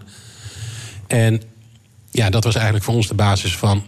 Maar dit gun ik elk kind die, eh, en elke ouder die in deze situatie zit. En ja, toen wilden we een stichting oprichten en hier zitten we. Ja, daar zitten ze. Samen met Dylan. Wat vind jij ervan, eh, Dylan? Dit is een initiatief. Ja, het, raakt me heel erg. Ik, ik heb altijd heel veel respect voor mensen die ehm, zelf ziek zijn en daar gewoon goed over kunnen praten. Ik bedoel, dat, dat is, heb ik heel veel respect voor. Eh, en ook de familie die dat eh, kan dragen, die daar in, onderdeel van kan zijn, zonder helemaal zelf in te storten, maar juist onderdeel daarvan kan zijn. Ik weet niet of ik die kracht zou hebben. Dat hoop je. Ik weet het niet. Ik vind het we praten over de dood iets heel heftigs. Dus eh, juist zo'n stichting van mensen die dat hebben meegemaakt en die kunnen helpen en kunnen zeggen: maar als je dit doet, zie wat je dan achter kunt laten. Ik denk dat het heel waardevol is, maar ik merk ook dat het me raakt. Ja, ik merk het ook aan je, ja. Ja, het, mooie is ook dat ehm, wij merken nu, wij hadden dit idee natuurlijk bedacht en we, we hoopten ook dat het goed ontvangen werd en dat we heel veel eh, gezinnen konden helpen. En we zijn nu natuurlijk twee dagen geleden officieel live gegaan. We hebben inmiddels al tientallen eh, ja, aanmeldingen binnen. En wat we ook heel vaak terug horen is precies dat, dat, dat ouders ons sturen. Ja, ik was, het is zo gek, want ik was hier al mee bezig. Ik wilde dit doen, maar ik, ik, ik wist niet hoe en, en wie ging mij dan filmen. En, en ik wil echt iets nalaten. En het iets, iets is waar ik, waar ik dagelijks mee bezig was. Hoe, hoe ga ik daarvoor zorgen?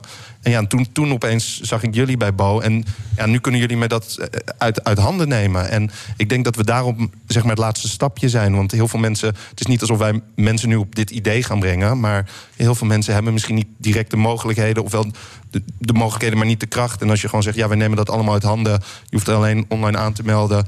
Het is allemaal eh, ja, eh, gratis. Je kan gewoon je aanmelden. En dat moet Maar er moet wel geld binnenkomen via donaties, Er toch? moet wel geld binnenkomen Ja, via nee, donaties. want anders gaat het niet werken natuurlijk. Want dan kun je het wel willen organiseren, maar er moet wel geld komen, toch? Nee, ja, we hebben echt eh, donaties nodig. De laatste twee dagen zijn er al eh, veel mensen die, eh, die gedoneerd hebben. Maar we zijn er nog niet. Nee. Dus ehm, voor de luisteraars. Nou, even voor de duidelijkheid, we zijn natuurlijk we, zijn al begonnen en we gaan nog helpen. Als, als je zegt we zijn er nog niet, betekent niet dat we, want we, we willen iedereen helpen die, die binnenkomt. En we, we hebben alle, we hebben de eerste portretten al ingepland. De komende twee, drie weken staan al helemaal vol. Ehm, Maar dat gaan jullie zelf doen dan? Hebben jullie een bedrijf of zo ervoor? Hoe ga je dat dan doen? Nou ja, in, in principe ehm, eh, werken we nu. eh, nou, ik, ik en Michel werken er fulltime aan. En we hebben een groep van vrijwilligers die ons eh, gaan helpen. Maar ja, hoe meer er binnenkomen. En het is, ja, het is ons wel een beetje. nou, wat is het woord? Het is overweldigend hoeveel niet alleen aanmeldingen, maar ook lieve berichten eh, er binnenkomen. Maar. eh, we hebben wel de, de, de, de back-end dat we nu al kunnen gaan beginnen. Maar als we iedereen willen helpen, daar zijn we, zijn we natuurlijk nog, nog lang niet. En daarom is het eh, ja, inderdaad belangrijk dat Maar Mark was natuurlijk geoefend, zeg maar. Mark was een performer. Die vond het geweldig voor een microfoon, voor een camera. Hoe ga je dat met mensen doen die dat niet gewend zijn? Ga je die helpen? Hoe ga je dat doen? Nou, We hebben al twee, voordat we begonnen, hebben we al twee portretten gemaakt. Eh, ja, en wat je merkt is, eh, kijk, tuurlijk, toen ik, ik ben in dat geval de, de, de interviewer. Ik ben natuurlijk ook een eh, ervaringsdeskundige door die laatste twee maanden bij Mark. Daarnaast heb ik ook een geschiedenis. ik heb best wel lang bij de televisie gewerkt op redactie en heb ik daar ook interviews gedaan. Dus ik, op beide kanten heb ik daar ervaring mee. En als je binnenkomt. Eh, ja, tuurlijk zijn die ouders, is die familie een, ja, wel zenuwachtig. En de meeste mensen zijn inderdaad ook niet gewend voor de camera. Maar ja, als je gewoon, eh, beide keren hebben we gemerkt, als je eenmaal aan het praten bent, wordt het gewoon een mooi gesprek. En aan het eind van het gesprek eh, ja, zeiden beide ouders van. Ja, eh, dit was eigenlijk. Ik heb geen seconde het idee gehad dat de camera aanstond. En ik ben heel erg blij dat we, dat we dit gedaan hebben. En toen kwam ik terug. En ja, ik heb het ook aan Michel. Heeft, heeft bij, de, bij de portretten ook, ook gekeken. Ja. ik had bij het eerste portret na vijf minuten mijn laptop dicht gedaan. En ik ging met tranen in mijn ogen naar me toe en zei... Als dit het alleen was, denk ik al, dan was ik al blij geweest met, voor, als dit van mijn moeder er was. Ja. En wat ik wel heel mooi vond. En, eh, heel veel mensen denken van: oh, je gaat zo'n filmpje opnemen en het gaat over de dood. Maar het gaat over het leven. Want we gaan praten over waar ben je opgegroeid? Hoe was je jeugd? Hoe was het toen je moeder of vader werd? Hoe heb je je partner ontmoet? Wat zie je terug van jezelf in de kinderen? En aan het eind vraag je: ja, wil je nog wat voor later aan je kinderen zeggen? Maar 90% van het gesprek is je levensverhaal vertellen. Zodat- is dat, is dat ook niet. Het is heel mooi, het is heel waardevol. Ehm, daarom raakt het denk ik ook. Maar het lijkt mij ook heel zwaar voor jullie. Want hoe mooi die verhalen ook zijn, je weet waarom je het doet. Omdat die mensen er straks niet zijn, dat ze hun kinderen kunnen zien opgroeien. Hoe, hoe gaan jullie zelf daarvoor beschermen? Nou, ik, ik merkte voor mezelf dat toen we de eerste aanmelding kregen, een moeder met twee jonge kinderen, ja, dat, dat komt gelijk binnen. Alleen hoe ik er persoonlijk naar kijk is, ik kan medisch gezien niks voor deze mensen betekenen. Dus als wij er als stichting niet zijn, gebeurt nog steeds hetzelfde met ze, hetzelfde lot. Alleen daarin kunnen wij wel iets misschien brengen of ze helpen of iets uit handen nemen. Dus Ehm, als ik elke mail ga lezen met het gevoel van eh, te veel inleven en te veel naar mezelf betrekken, dan kan ik dit niet doen. Maar ik doe het met vanuit, ik, ik, ik geef ze iets. Ik weet de kinderen dat ze over twintig jaar nog steeds dit filmpje gaan kijken en aan ons denken of aan de stichting of aan hun, eh, voornamelijk aan hun ouder natuurlijk. Maar dat je een steentje bijdraagt niet voor het korte termijn, maar voor het lange termijn. En als, ja, zolang dat maar voor mij mijn, mijn hoofddrive is en dat, dan, dan kan ik dat zeker volhouden. Maar het wordt nu ook jullie werk, toch? Op deze manier? Nee, het wordt, eh, ik, ik heb hier buiten gewoon een baan. Ik doe dit eh, geheel vrijwillig nu. Eh steken er heel veel uren in. Ehm, maar het is niet een idee om dit als bedrijf op te zetten. Het is een ambistatus. We zijn een goed doel. Eh, dus elke euro die binnenkomt verantwoorden we. Die moet aan dit doel besteed worden. En ik doe het eh, met liefde erbij. Dat, gaat, dat gaat heel veel tijd. Gaat het voor jou ook, Brian, denk ik dan? Want ik bedoel, er daar komt heel veel bij kijken, denk ja, ik. Want- Ja, nou ja, natuurlijk. Zeker op dit moment. Want je hebt nu natuurlijk een enorme, in in één keer een enorme push. eh, ehm, en ja, het is nog steeds een beetje onduidelijk. Ik, eh, hoe over als de eerste, ja, de eerste push voorbij is, gaan we dan twee portretten per, per, per week maken? Gaan we vijf portretten of tien portretten per week maken? Ja. En natuurlijk, als er op een gegeven moment een tijd komt, blijkt dat dit fulltime 40 uur per week, dag in dag uit gedaan moet worden, dan, eh, ja, dan kan het zeker zo zijn dat we, dat we in dienst gaan, of gedeeltelijk of parttime in dienst gaan. Ehm, maar ja, op Nee, eerste- want ik herinner me Stichting Alpe d'Huez, weet je wel. Die man werd op een gegeven moment ook betaald. En dan gaan mensen opeens toch de negatieve kant op van zien. Die gingen kijken, wat er wordt ermee verdiend enzovoort. En die man heeft miljoenen, miljoenen, miljoenen binnengebracht, weet je wel. En dan gaan de mensen altijd naar de negatieve kant kijken. Daar ben je hoop ik niet bang voor, toch? Ik bedoel... Nee, kijk, ik ben daar niet bang voor. Ik denk dat. eh, eh, voor, zover wij doen het vanuit een goed hart. Nee, en, dat alleen ik, ja. en alleen al het feit dat we dit al een half jaar totaal vrijwillig doen. En ook nog steeds volledig vrijwillig doen. Kijk, tuurlijk, en iedereen zal begrijpen als er op een gegeven moment een bepaalde loon. En dat zal dan. Nee, maar dat lijkt me ook dat het heel goed is om dat te zeggen. Hè? Dat Ja. dat heel logisch is. Want Ja. het viel me bij die man van Alpe d'Huez op. Dat ik dacht, die man wordt helemaal gefileerd. Terwijl hij zoveel geld heeft binnengehaald. Volgens mij doel. gaat het. ehm, ik heb zelf bij Fonds Gehandicapten Sport gewerkt. Ja. Eh, wat weer een ander soort goed, eh, goed doel is. Ja, weet ik. Ambassadeur. Ehm, het gaat om ehm, bij hoeveel procent van de inkomsten. Er is een soort cap bij goede doelen. Van zoveel procent van wat je binnenkomt mag je uitgeven aan. Nee, maar ik wil vooral belangrijk maken. Want ik bedoel, ik werk ook voor veel van dat soort instellingen. Dat het belangrijk is dat mensen natuurlijk, als ze al die tijd erin steken, er ook Zeker. van moeten kunnen leven op een gegeven moment als ze die drukte hebben enzovoort. Nu al heel veel aanmeldingen. Eh, wat wil je nog verder brengen? Want, want je wil zoveel mogelijk publiciteit gaan geven. Wat, wat, wat is jullie droom? Wat is jullie. Nou, onze droom is uiteindelijk om alle uitbehandelde ouders met jonge kinderen in Nederland te helpen. Eh, dat, dat, dat is het einddoel. En ehm, ja, het begin is heel erg goed. En ja, eh, ik, ik denk als we zo doorgaan en er op genoeg donaties binnenkomen, dat we dat ook zeker kunnen gaan doen. Dat, dat, is, dat is het doel. En dat alle jonge kinderen van uitbehandelde ouders later eh, de nabijheid van hun ouders kunnen voelen op het moment dat ze daar behoefte aan hebben. Door middel van het portret, de memory box die ze ook krijgen, met daarin de wenskaarten voor belangrijke momenten in het leven van hun, eh, hun, eh, hun kinderen. Ja, dat, dat, dat is uiteindelijk het doel. Ja. Ik eigenlijk, je vroeg wat is de wens. De wens is dat ik dit nooit hoef te doen, omdat het, dat er geen mensen meer zijn die uitbehandeld zijn, natuurlijk. Dat is de, de grote wens. Nee, dat is heel belangrijk inderdaad. Ehm, hoe gaat het nou met zijn, eh, zijn weduwe inmiddels? Met Mark bedoel ik dus. Ja, nee, dat begrijp ik. Ehm, ja, En ik, ik had laatst een appje van haar gekregen. Toen zei ze, soms is het wel heel zwaar. Vooral met de jonge kinderen enzovoort. denk maar- dat dat. Het, gaat, het, gaat, ehm, het is natuurlijk moeilijk voor ons om, om dat te zeggen. Niet omdat wij geen eh, contact met haar hebben. We hebben heel in- intensief contact. Ik, ik zie haar en de kinderen nog. Voor duidelijkheid heet Ramona, hè, maar ik Ramona. ik probeer het even heel nee, nee, maar netjes te doen enzovoort. Ik, ik, Ja. zie, ik zie je nog steeds heel vaak. Wij zien u nog steeds heel vaak. Maar ik vind om haar, en zeker over de kinderen, dat is misschien meer aan haar. Het is- zijn ups en downs, zoals je altijd zou zeggen. Sommige momenten gaat het goed en andere momenten gaat het wat minder. En ik denk dat dat, dat, er, dat, dat erbij hoort. Maar zij is van huis uit ook een optimist. En eh, met Mark heeft ze dat, eh, door hoe Mark ermee om is gegaan, heeft ze, eh, wat hij heeft nagelaten, is dat natuurlijk misschien wat makkelijker maar geworden. Maar het is nog steeds natuurlijk verschrikkelijk, verschrikkelijk zwaar voor haar. Maar James en Olivia krijgen ook altijd nog kaartjes. hè. Bij elke verjaardag heeft hij een kaart geschreven. Zeker. Enzovoort. Ja. Dat, Ja, zeker. Wat hij ook vertelde van de week. eh, ik hou voor jou tot aan de manen weer terug. Dat ze samen omhoog en omlaag keken. Dat was eh, pff, hartverscheurend. Ja. Echt heftig. Eh, Jij zei het trouwens dat je het heel moeilijk vindt om over te praten. Waarom eigenlijk? Waar komt dat door?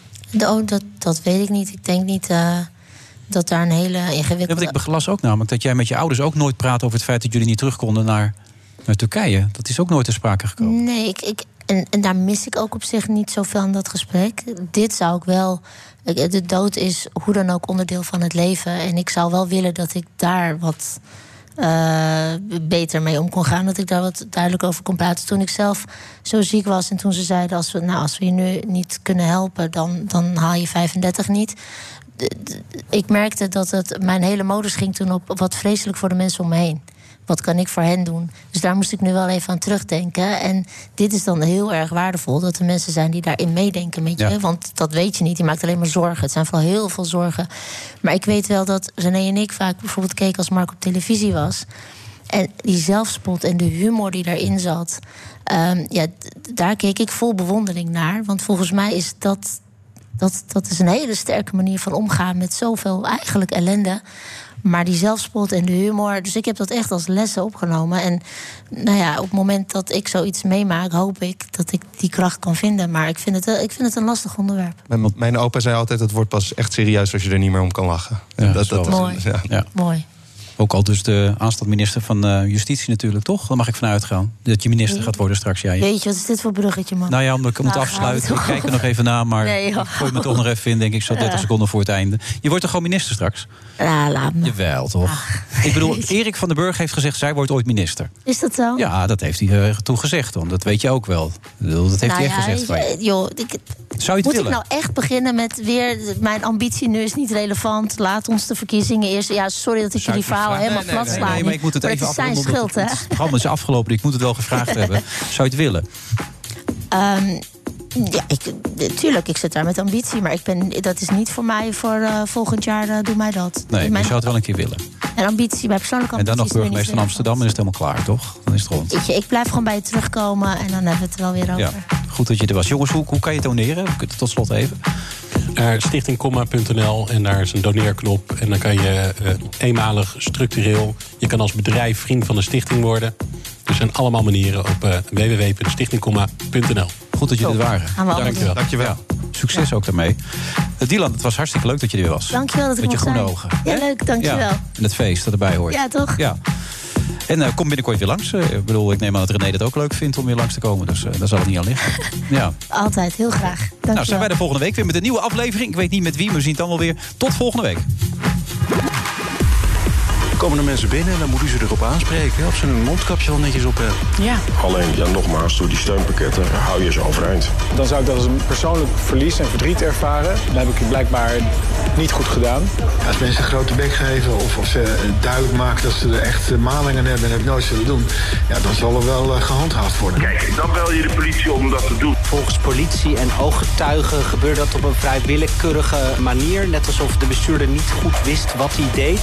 Wat een gehannes, hè, met die dingen. Ja, nou ja, het went wel hoor. Ja? Ja. Al met al denk ik wel dat ze er vandaag uit kunnen komen. Het is altijd de vraag even tot hoe laat het precies duurt. Mijn indruk is dat er eh, in ieder geval niet echt een plan is. Je weet eigenlijk niet wat je krijgt als je Baudet niet wil. Dus er moet echt wel een wonder gebeuren. Willen we dit nog op tijd gaan rechtbreien? Omdat de hele strategie die bedoeld zou moeten zijn op het indammen van het virus, ehm, daarmee niet lijkt te lukken. De grootste winkelstraten, de grootste binnensteden, die kregen hardste klappen. En voorzitter, we worden overspoeld met lobbybrieven. My name is Bond. James Bond. Nou, we zijn natuurlijk continu in overleg. Maar ik begrijp de zorgen wel, want het is natuurlijk ook gewoon een complexe operatie. Een complexe puzzel. Ja, er wordt nog steeds gesproken achter de schermen. Maar het gaat natuurlijk niet goed met, eh, met ondernemers. Nee, dat, daar moeten we gewoon eerlijk in zijn. Het is eh, kommer en kwel op heel veel sectoren. Dat komt omdat veel mensen veel meer ervaring hebben met online werken. dus wat ik moet doen is mijn werk. En dat betekent dat ik eh, u vertel waar we staan. Gaat Baudet het redden? nou, ik denk het wel. dan, eh, ja, dan geeft het ook meer mogelijkheden om inderdaad die eh, eh, spits eh, te verspreiden. Alles is erop gericht om in die eerste week van januari te kunnen starten.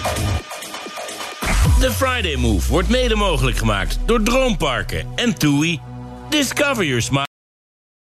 Ook Harm Edens vind je in de BNR-app. Je kunt BNR Duurzaam niet alleen live luisteren in de app, maar ook terugluisteren als podcast, zoals al onze podcasts. En naast dat de BNR-app Breaking News meldt, houden we je ook op de hoogte van het laatste zakelijke nieuws. Download nu de gratis BNR-app en blijf scherp.